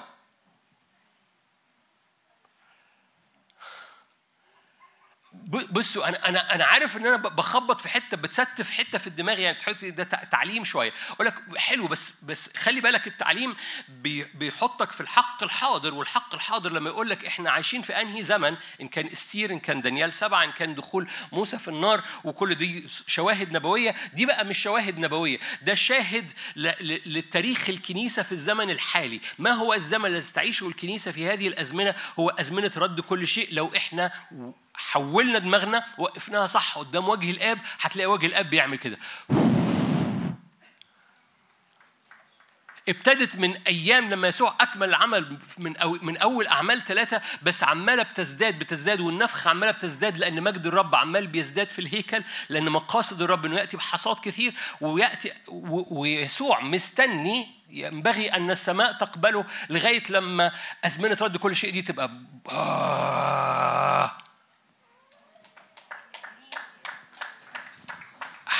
هقول هقول لك حاجة حالا. أنتوا هنا مش كده؟ إحنا هنخلص إمتى؟ طيب نختصر. رومية 8 رومية 8 كان لازم ترنموا كتير قبل الكلمة عشان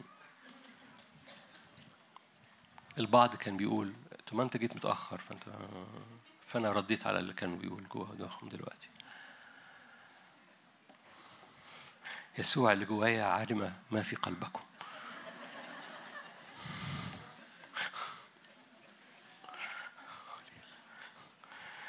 انت سامعاني مش كده؟ انت عارفة عارفة بتكلم عليكي.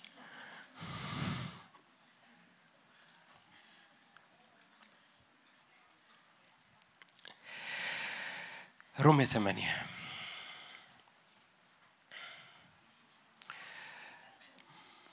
14 كل الذين ينقضون بروح الله أولئك هم أبناء الله. لم تأخذوا روح العبودية أيضا للخوف بل أخذتم روح التبني. الذي به نصرخ أبا الآب. الروح نفسه أيضا يشهد لأرواحنا أننا أولاد الله. كنا أولاد فإننا ورثة ورثة الله ويرثون مع المسيح. نتألم معه وهنا النضوج استير. أنا مش بس مجرد ملكة لذيذة ممسوحة أخش للملك أنا بحب الملك والملك بيحبني. no no, في تكلفة في جدية في sharpness في focus في arrow في سهم مبري في لا أنا. وهو ده أق- أقوى أقوى تكلفة تؤدي في الآخر زي ما هو عايز. لا أنا مش كلمة. يعني فاكرين آه، هم غلبوه إزاي؟ دم الخروف بكلمة إيمانهم. ولم يحبوا حياتهم. ثانية واحدة اعمل pause هنا. ولم يحبوا حياتهم. دي لا أنا. okay. فاعمل وقف الشريط. هم غلبوه بدم الخروف. yes. كلمة إيمانهم. okay. نمرة ثلاثة ولم يحبوا حياتهم. وقف شريط ولم يحبوا حياتهم دي لا أنا. ده lifestyle ده نمط حياة. لا أنا. حتى لو وصلت اللا أنا دي للموت. بس هم أصلا عايشين. لا أنا.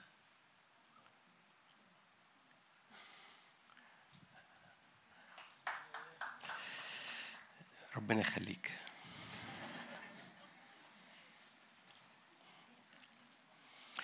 فده جزء من التكليف اللي كنا نتألم معه. نتألم معه أك- أكتر لا أنا ده هو هو حياة من هو أنت فاكر نتألم معه طبعا حاجات كتير أنا مش عايز ألغي حاجات لكن نتألم معه هي لا أنا ببساطة اللي بتقود لكل حاجة تانية يطلبها منك الرب مش أنت اللي بتعملها. نتألم معه لكي نتمجد أيضا معه. فإني أحسب أن آلام الزمان الحاضر لا تقاس بالمجد العتيد أن يستعلن فينا. لأن انتظار الخليقة يتوقع استعلان أبناء الله. إذ أخضعت الخليقة للبطل لا طوعا بل من أجل الذي أخضعها على الرجاء. الخليقة نفسها أيضا ستعتق من عبودية الفساد إلى حرية مجد أولاد الله. أوكي نقف هنا. الخليقة منتظرة أزمنة رد كل شيء. آية آية 19 الخليقة تتوقع استعلان أبناء الله لأن الخليقة بتئن. وإحنا بنئن معاها بتشفع لاستعلان حرية مجد أولاد الله.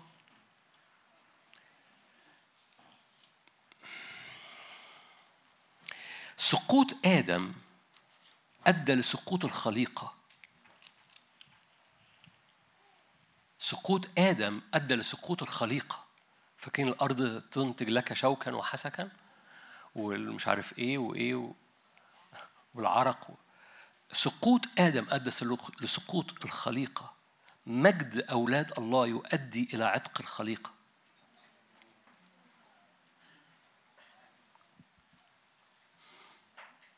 الرب اختار في هذه الحقبة الزمنية النبوية إنه فداؤه يتحرك أو استعلان مجده يتحرك من خلال ولاده.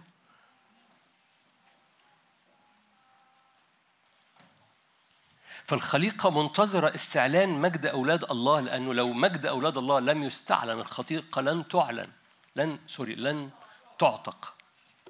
أشكرك أنا ما ما أنا ما قلبتش الموضوع هو نفس الموضوع. ازمنه رد كل شيء دي مربوطة إن إحنا واقفين قدام وجه الاب اللي عمال بينفخ فينا. حلو قوي.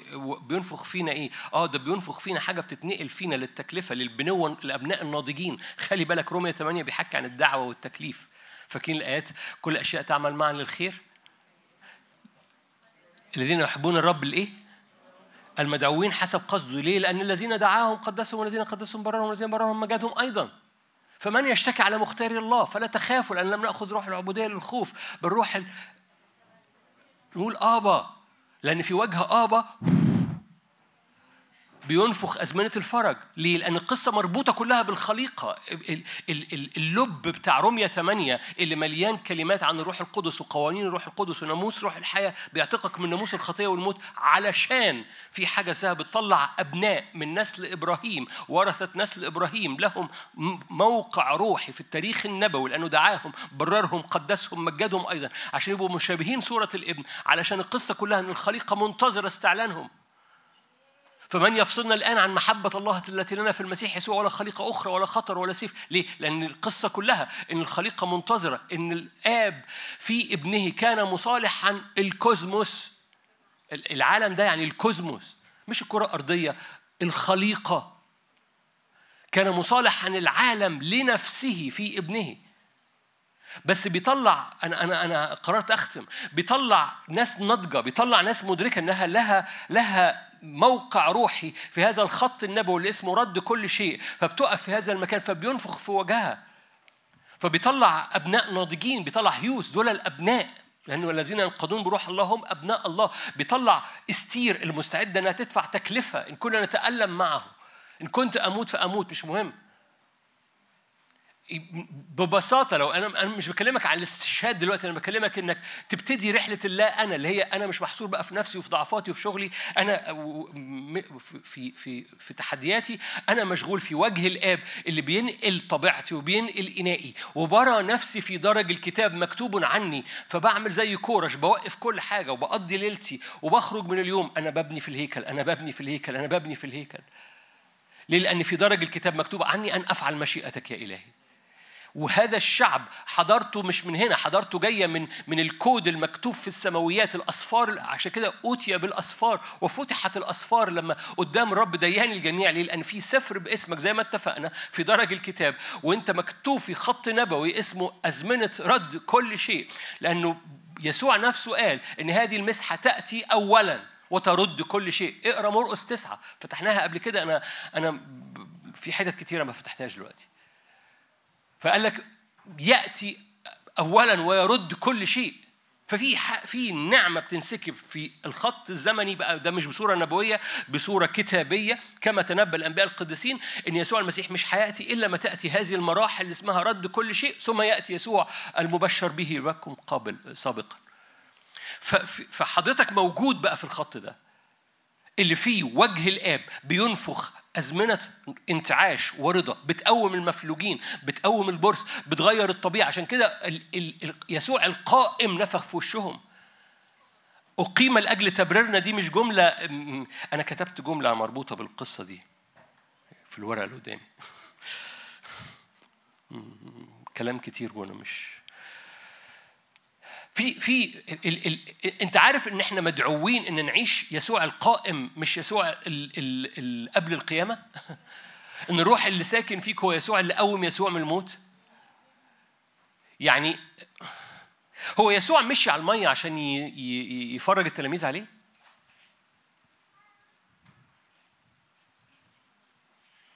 أنا خدتكم إخوانا في السؤال. ويسوع مشي على المية عشان يفرج التلاميذ عليه؟ هو يسوع اختفى في وسط الجموع عشان يقول لهم ترى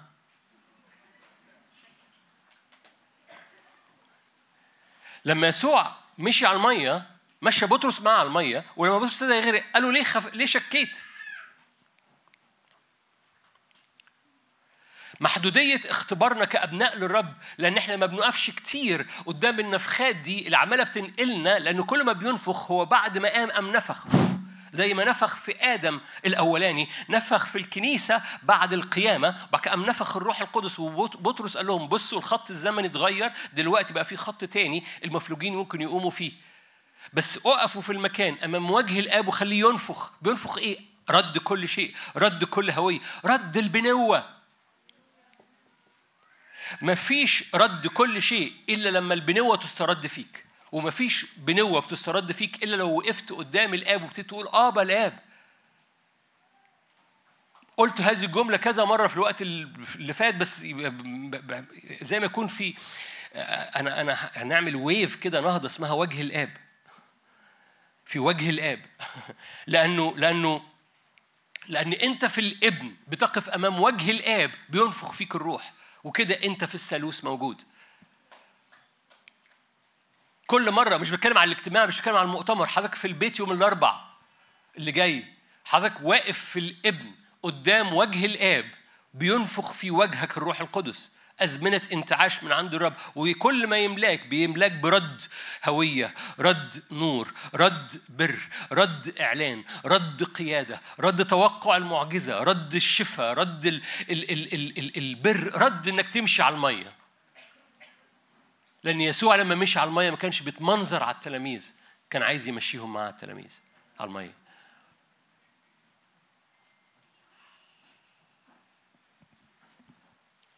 رد كل شيء مربوط بالأنبياء الناضجين. هقرأ لكم حبة جمل. طيب رب اختار إنه يعمل الحقبة الزمنية يعم يعمل في الحقبة الزمنية دي من خلال أولاده وليس بالانفصال عنهم.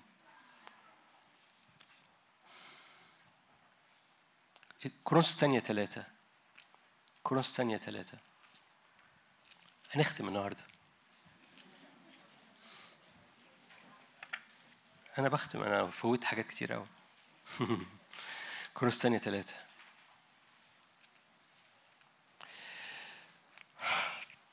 في التجلي بطرس سمى التجلي في رسالة بطرس الثانية إن التجلي كان مجيء. كنا معاينين عظمته ومجيئه في الجبل المقدس.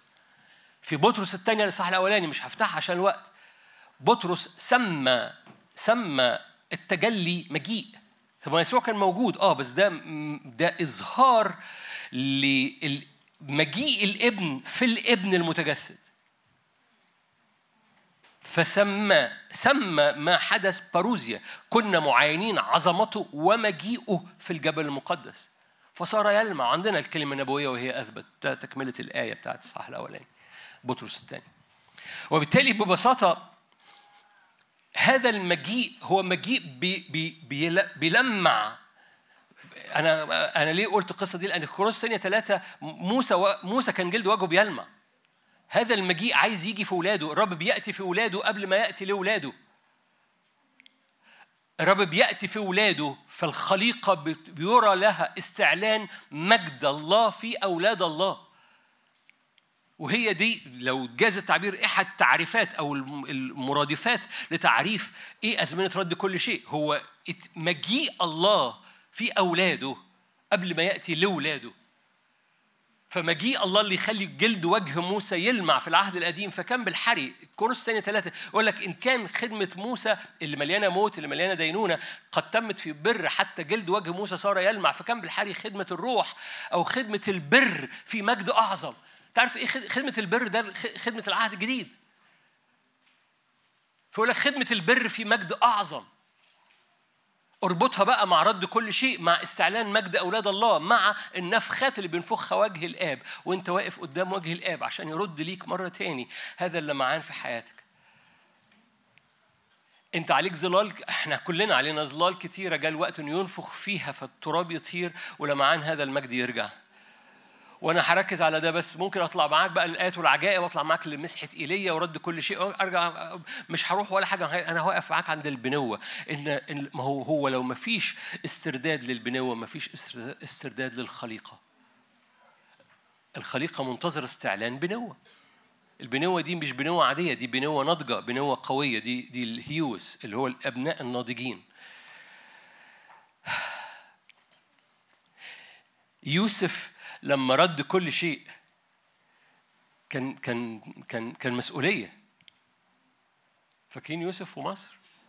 ماشي. لما لما دخل لرد كل شيء كان مسؤولية. ده وقف من أجل الأمة. ده ما كانش حاجة سهلة. ده كان مسؤولية الابن اللي بيبقى ملك.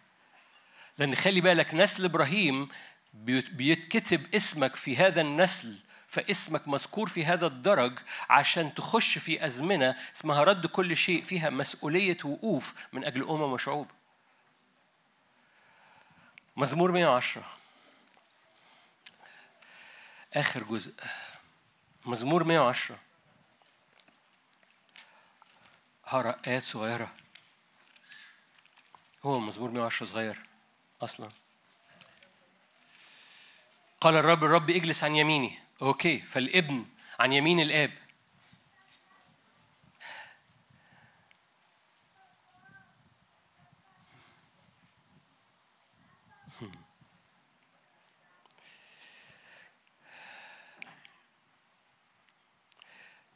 في مرة يمكن نحكي عن الشمال لأنه إذا الآب عن شمال الابن وال...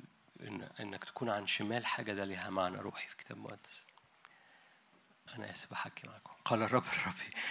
اجلس عن يميني حتى أضع أعدائك موطئا لقدميك. حلو قوي فالابن موجود عن يمين ده السبب نمرة خمسة إن أزمنة رد كل شيء مش هتحصل لما هو يجي لكن تحصل لغاية لما هو يجي لأنه جالس عن يمين الآب حتى حتى يضع الأعداء. حد فاهم حاجة؟ سفلتها ولا لسه ما اتسفلتتش جواك أزمنة رد كل شيء مش هتحصل لما هو يجي يبتديها. هي ابتدت في الصليب.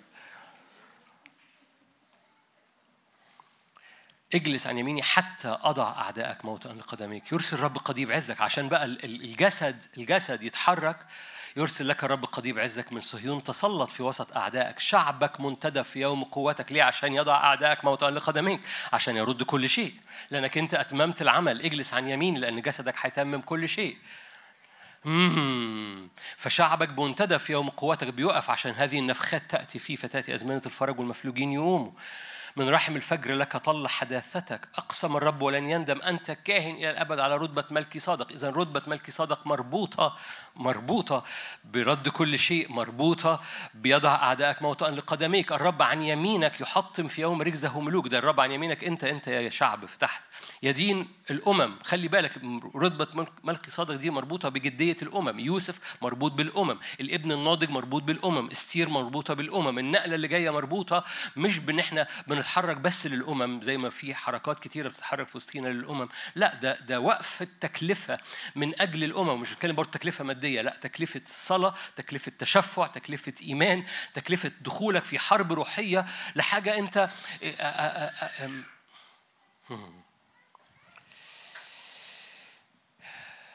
أوكي. أنا قريت مزمور 110 كورنثوس الأولى 15 خلي بالك اجلس عن يميني حتى إيه؟ أعدائك موت عن قدمك كورنثوس الأولى 15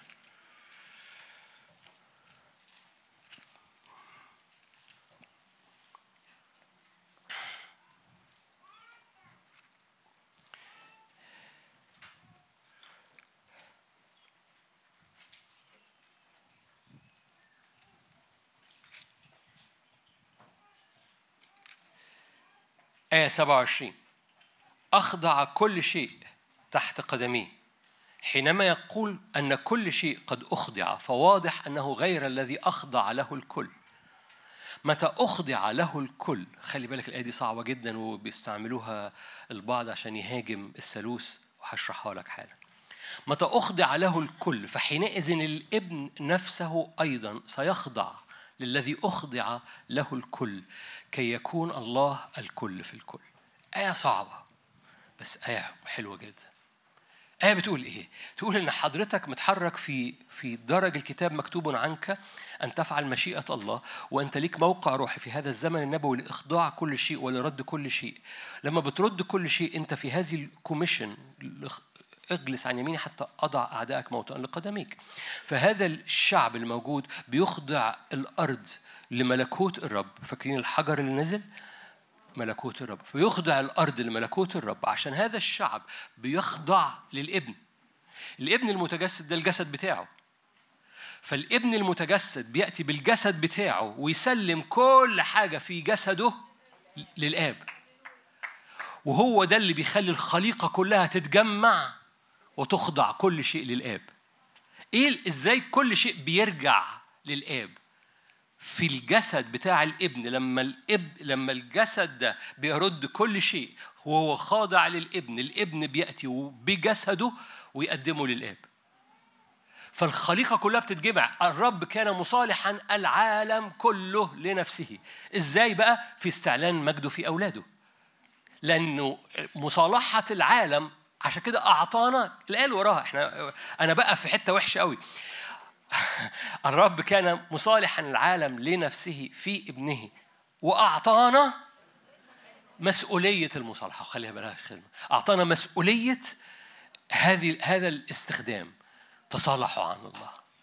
تصالح عن الله أنت بتصالح كل حاجة بتصالح الخليقة بتصالح شغلك بتصالح ظروفك بتصالح بيتك بتصالح ولادك بتصالح نفسيتك بتصالح طبيعتك بتصالح المرضى اللي حواليك بتصالح الفساد اللي حواليك بتصالح كل حاجة على الصلاح اللي عمله الرب. الرب بالمناسبة فدائه وصلاحه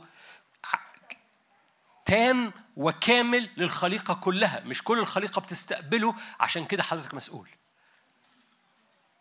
وهذه المسؤولية إنك بتحط نفسك ده اللي استير وقفت فيه ده اللي يوسف وقف فيه ده اللي بولس وقف فيه. وهبص لك آخر آية أوعدكم آخر آية. أعمال 13 بولس أخذ آية من أشعية وقال بصوا أنا اسمي مكتوب فيها. بولس اسمك مش مكتوب. بولس قال لقى اسمي مكتوب. أنا وجدت الموقع الروحي بتاعي في الخط النبوي في هذه الآية في أشعية. وده مثال لحضرتك ولحضرتك ولينا لما بيبقى في حق كتابي إن أنت ليك موقع روحي في هذا التسلسل النبوي في درج الكتاب مكتوب عنك. اسم بولس مش موجود. بولس ما قالش في سفر باسمي لكن بولس قال إن المكتوب في أشعة ده ليا جم وقفوه آه، في في حتة. طردوه اليهود طردوه. خرج اليهود من المجمع فطردوهم في السبت التالي آية آية 44 أعمال 13 44 في السبت التالي اجتمعت كل المدينة تقريبا لتسمع كلمة الرب. لما رأى اليهود الجموع امتلأوا غيرة جعلوا يقاومون ما قاله بولس منقدين ومجدفين. فجهر بولس وبرنابا وقال كان يجب أن تكلموا أنتم أولا بكلمة الله لكن إذ دفعتموها عنكم وحكمتم لأنكم غير مستحقين للحياة الأبدية هوذا نتوجه للأمم. ده شفت خلي بالك ده أنطاكيا ده جزء من قصة أنطاكيا وما بعد أنطاكيا ماشي؟ هوذا نتوجه للأمم هكذا لأنه هكذا أوصانا الرب. بولس أم أخذ آية من أشعية والآية دي الرب قالها قالها لنا أنا وبرنابا قالها قال لكم إيه؟ قد أقمتك نورا للأمم. بولس أنت مش الآية دي مش عنك. الآية دي مش عنك، الآية دي عن يسوع، دي نبوة عن يسوع، بس في الخط النبوي في يسوع المسيح أنا من نسل إبراهيم، إذا وعود الرب ليسوع المسيح موجودة ليا في يسوع المسيح في, في إبراهيم في يسوع المسيح، إذا قد أقامني الرب نورا للأمم. فأنا موجود في الدرجة، فببساطة بولس بيقول إيه؟ ها أنا ذا أجيء في درج الكتاب مكتوب عني. أن أفعل مشيئتك يا الله لأن الرب أوصاني أن أكون نورا للأمم لأكون هو الرب خلاصا إلى أقصى الأرض. هتفهم حاجة؟ فبولس قام أخذ آية مش ليه بس هو موجود في درج الكتاب فيها. مهم جدا. خلي بالك ده ثبت بولس. دول طردوه من المجمع وقفوا الخدمة. لهم بصوا okay أنا متثبت. مش بتثبت. أنا رجلي على أرض ثابتة. أنا حاضر ثابت.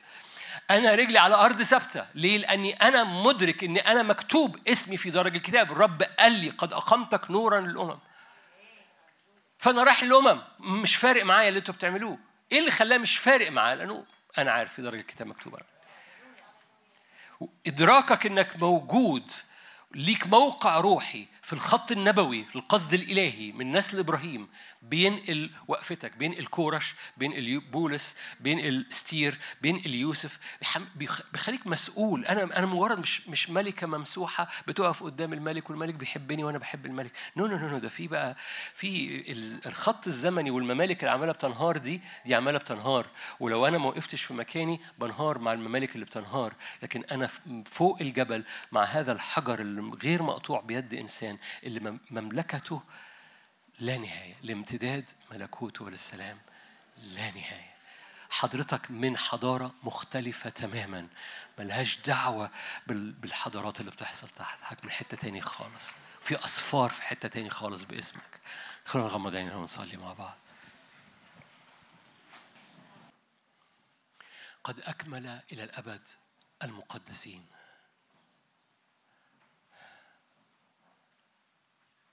المظلة المرفوعة فوقينا مظلة أبدية. مظلة بتغطي ماضي حاضر ومستقبل. مظلة الفدا اللي بتغطيك مظلة مش محصورة في زمن أو أحاسيس أو جسد أو حتى مشاعر إنك تعبان والاجتماع طول وأنا عارف. محصورة في حاجة واحدة. محبة أبدية أحبك. أدام لك الرحمة. بيغطي الكعبشة بيغطي اللخبطة بيغطي يعقوب حتى هو هربان. بيقول بص حبيبي أنا إله جدك أنا إله أبوك. أنا إله عنده قصد نبوي لنسلك ولنسل نسلك منك ملوك يخرجون.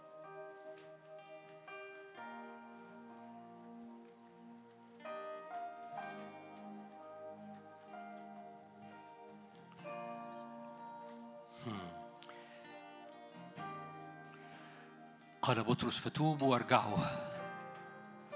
غيروا اتجاهكم حتى تأتي نفخات الفرج نفخات قيامة نفخات رد كل شيء من وجه الآب.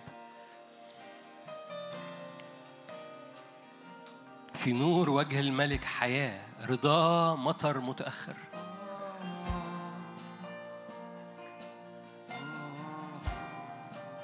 أكمل إلى الأبد.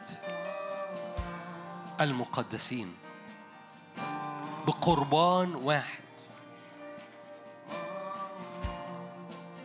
أكمل إلى الأبد المقدسين.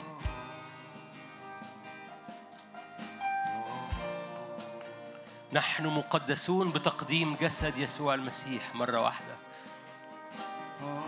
لأن عند دخوله إلى العالم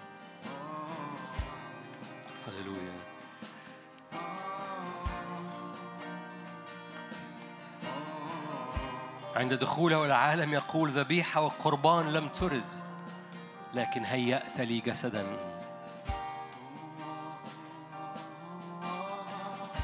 إحنا في المسيح. اعلني كده أنا في المسيح.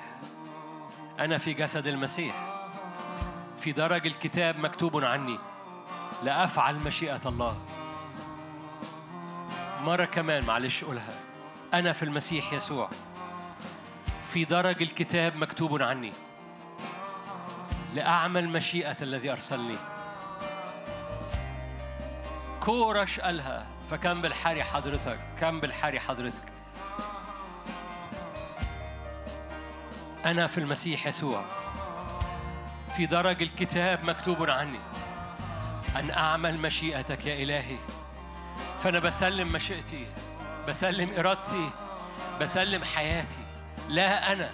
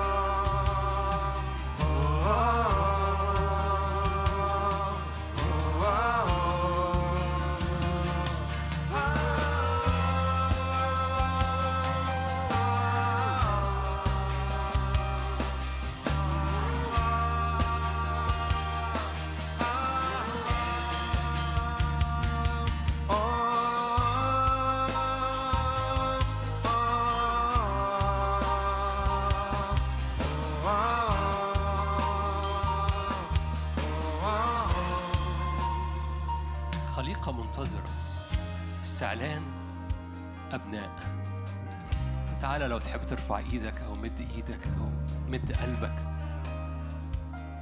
أي بواقي عبودية. أي جاء وقت استعلان البنوة فينا. جاء وقت استعلان البنوة فينا. لم نأخذ روح الخوف للعبودية. العبودية بتطلع خوف. فلو في خوف يبقى في عبودية. عشان كده من سيشتكي لا دينونة. الله هو الذي يبرر. من يفصلنا الآن عن محبة الله التي لنا؟ فلا خوف في المح في المحبة الكاملة. من خاف له عذاب فاعلن أنا مش هنحصر في خوف مش هنحصر في ديل مش هنحصر في ضعف مش هنحصر في أمور غير في وجه الآب اللي بينفخ من وجه الآب. أزمنة الانتعاش من وجه الآب. فمن وجه الآب بنوة بتتنفخ فينا لو جاز التعبير حط إيدك على قلبك وقول يا رب انفخ انفخ إني ابنك. مش مش معلومة في ذهني لكن روح بنوة بتقول آبا. روح بنوة بتقول أبويا خالق الكل. أبويا ملك الملوك. أبي معي في كل حين وهو لا يفارقني. لأني أمشي معاه في كل حين لأني أفعل مشيئته لأن في درج الكتاب مكتوب عني أن أفعل مشيئته استعلان أبناء الخليقة منتظرة. رد كل شيء منتظر الأبناء. منتظر نور ولمعان منتظر نور ولمعان هللويا. كأن البعض محتاج يقول أنا راجع لأبويا. مش لأنك ابن ضال لكن لا.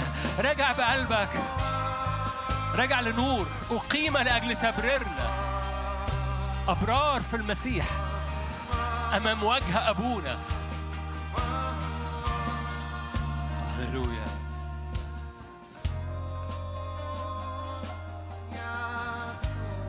نفخته بتطلق جينات بنوتك.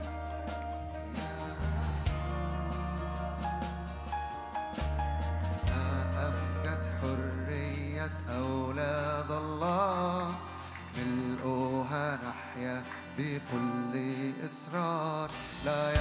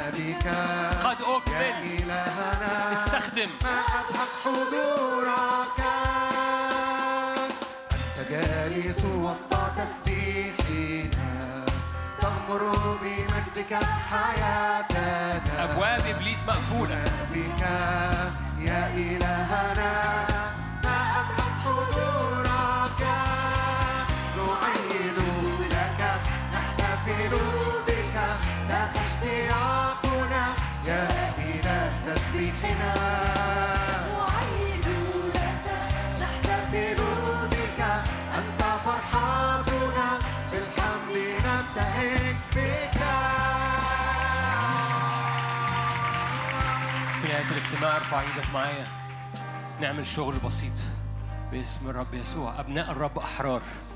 اي أي أنواع عبودية الآن احسمها باسم الرب يسوع. لا عبودية لكذا لا عبودية لأفكار معينة لا عبودية لمخاوف لا عبودية لصور قديمة بتردد على ذهني وعلى عقلي الباطن. صلي معايا حسم. لا عبودية لمخاوف لا عبودية من مستقبل لا عبودية باسم الرب يسوع. أي أنواع العبودية. اعلني واعلن أنا ابن أنا ابن للملك. باسم الرب يسوع. لا عبودية لمخاوف قديمة باسم الرب يسوع. هللويا. احسم أمور فتحة مداخل في الشغل الآن باسم الرب يسوع. سور حضورك يا رب. حرية حرية أبناء الله. حرية في النفس حرية في الجسد. حرية من أي سلاسل قديمة. حرية من أي سلاسل مرضية. حرية باسم الرب يسوع. حرية مجد أولاد الله.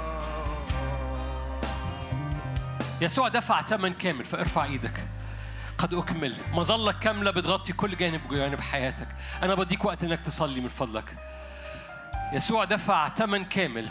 قد أكمل العمل. صالح العالم في نفسه. فصالح العالم بتاعك على الأقل. فالعالم بتاعك مليان.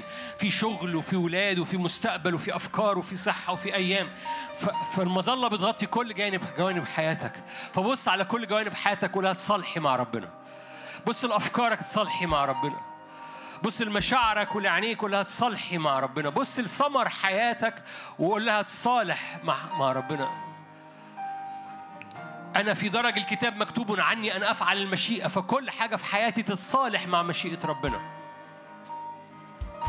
أنا بأخضع كل حاجة في حياتي. هللويا للمشيئة الإلهية. أفكاري حياتي صحتي أيامي مشاعري قوتي است- استثمارات وقتي. بقدم الكل بقدم الكل باسم رب خد وقت كده صلي واحسب حبة حاجات. هللويا. الخليقة منتظرة استعلان أبناء الله. واستعلان الله في أبناء الله. اطلب نعمة للحاجات اللي تحس انها صعبة. آه الموضوع ده صعب مش عارف أحسمه. صليت له قبل كده وما اتحسمش. اطلب نعمة. هللويا. احسمه بخلال النعمة. وإيمان في النعمة. باسم الرب يسوع. باسم الرب يسوع. البعض هنا محتاج ينفض من عليه. كأنه كأن في حاجة لزقت في هدومه كأنه بيمسكها وبيرميها. عارفين زي ما يكون أنا آسف في التعبير بورس. أنا شايفها كده شايف بورس على هدوم البعض. والبعض محتاج ينزل إيده على هذا البرص ويرميه. فين البرص بيلزق في الحاجة بيلزق في فمد إيدك كده وطلع الحاجة اللي لزقت في هدومك دي وارميها. ده برص ده مش ده مش ميراثك. ما تكملش ما تكملش ماشي بيه باسم الرب يسوع. هللويا. في بعض الأحيان بيبقى خوف في بعض الأحيان بيبقى ميل عاطفي مش مظبوط. في بعض الأحيان بيبقى بيبقى طمع لحاجات باسم الرب يسوع. برص برص هو برص هو برص محتاج يتقلع من هدومك باسم الرب يسوع. فاحسمه الآن ارميه الآن في النار باسم الرب يسوع. يسوع بولس أخذ الحية اللي نشبت في إيده وطرحها في النار ولم يتضرر بشيء. فامسك هذا البرص وارميه في النار بعيد. لن تتضرر بشيء. باسم الرب يسوع باسم الرب يسوع. باسم الرب يسوع. نار آكلة نار آكلة. تحرق ليك كل خشب وقش وعشب بتحرق ليك كل أشواك. باسم الرب يسوع. باسم الرب يسوع. هللويا. لا خوف. لا خوف. لا خوف. لا خوف. هللويا. يثبت رجليك على المرتفعات. يثبت المظلة بتغطي مستقبلك اللي جاي. المظلة بتغطي كل الحياة. بيصالح كل حياتك لغاية لما تقابله. فاطمئن. اطمئني. هللويا.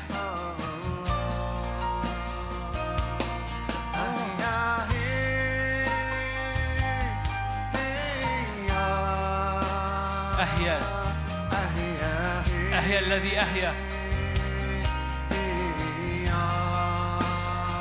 الحاضر.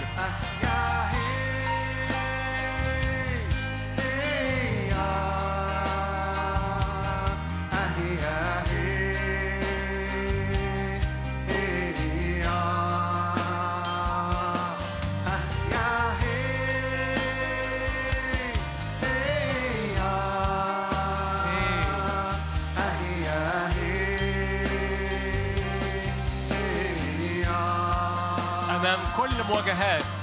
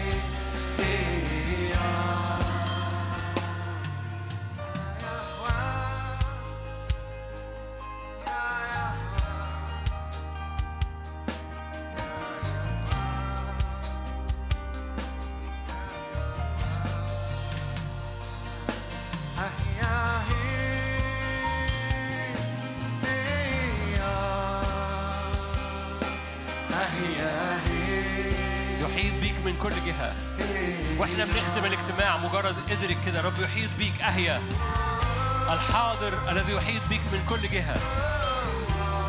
أهيا الذي أهيا اسم يسوع. ارفع إيدك معايا يا ابويا السماوي واشكرك إنك بتقدس أراضينا بتقدس مستقبلنا بتقدس الزمن اللي جاي. بتنقلنا نقلات بالنعمة. في نهاية الاجتماع أقول له نقلات النعمة تلاحقني تحصلني تدركني. خير ورحمة يتبعانني. نقلاتك الروحية تتبعني في هذا الزمن فأكون وجهي كالصوان جبهتي كالماس. سهم مبري بيد الجبار. مش مشفق على نفسي مش عايش مسكنة ضعيفة لكن عايش أبناء وارثين. عايش استير اللي بتخش وبتغير التاريخ وبتصنع هي تاريخ وبتصنع هي مواعيد وبتصنع هي بصوتها كلمات. أشكرك أنك بتنقل الزمن لكثيرين وكثيرات. أشكرك أنك بتبتدي أزمنة على بيوت وعلى رجال ونساء. أشكرك أنك بتبتدي زمن في كنايس وفي خدمات. سور نار حوالينا. أنا رافع إيدي من أجل إخواتي اللي جايين من بلاد مختلفة متنوعة. أبويا السماوي تحدث نقلة في الكنايس. نقلة في الكنايس. كان في محافظات مصر أو في كنايس بلاد المتنوعة اللي موجودة هنا أو بتشاهد. نقلة في الكنايس نقلة في وقفة العروس نقلة في نق- نقلة في وقفة الجسد حتى يضع أعداء يسوع موطئا لقدميه. نقلة في رتبة ملكي صادق يشربوا من النهر في الطريق يرفعوا الرأس. اشكرك يا رب يقفوا أمام وجه الآب فتأتي أزمنة انتعاش ويقوم المفلوجين. باسم الرب يسوع نعمة نعمة نعمة يا روح الله. خلي كل جسد وكل كنيسة ترى نفسها في الزمن النبوي بتاع الرب في أزمنة رد كل شيء. نقلة في الزمن. نقلة في تاريخ الأسرة بتاعتك. البعض محتاج يصلي معايا ويقول كده نقلة في تاريخ أسرتي نقلة في تاريخ أسرتي. باسم الرب يسوع هللويا. بالنعمة نقلة بالنعمة ترقية بالنعمة تحول بالنعمة يخرج منك ملوك. يخرج ملوك منك. هللويا باسم الرب يسوع. يقيم الرب أبنائك وبناتك. ملوك على كرسي داوود. يقيم الرب أبنائك وبناتك. ملوك على كرسي داوود. في اسم الرب يسوع. آمين ثم آمين ثم آمين. تفضلوا تفضلوا ثواني. آمين.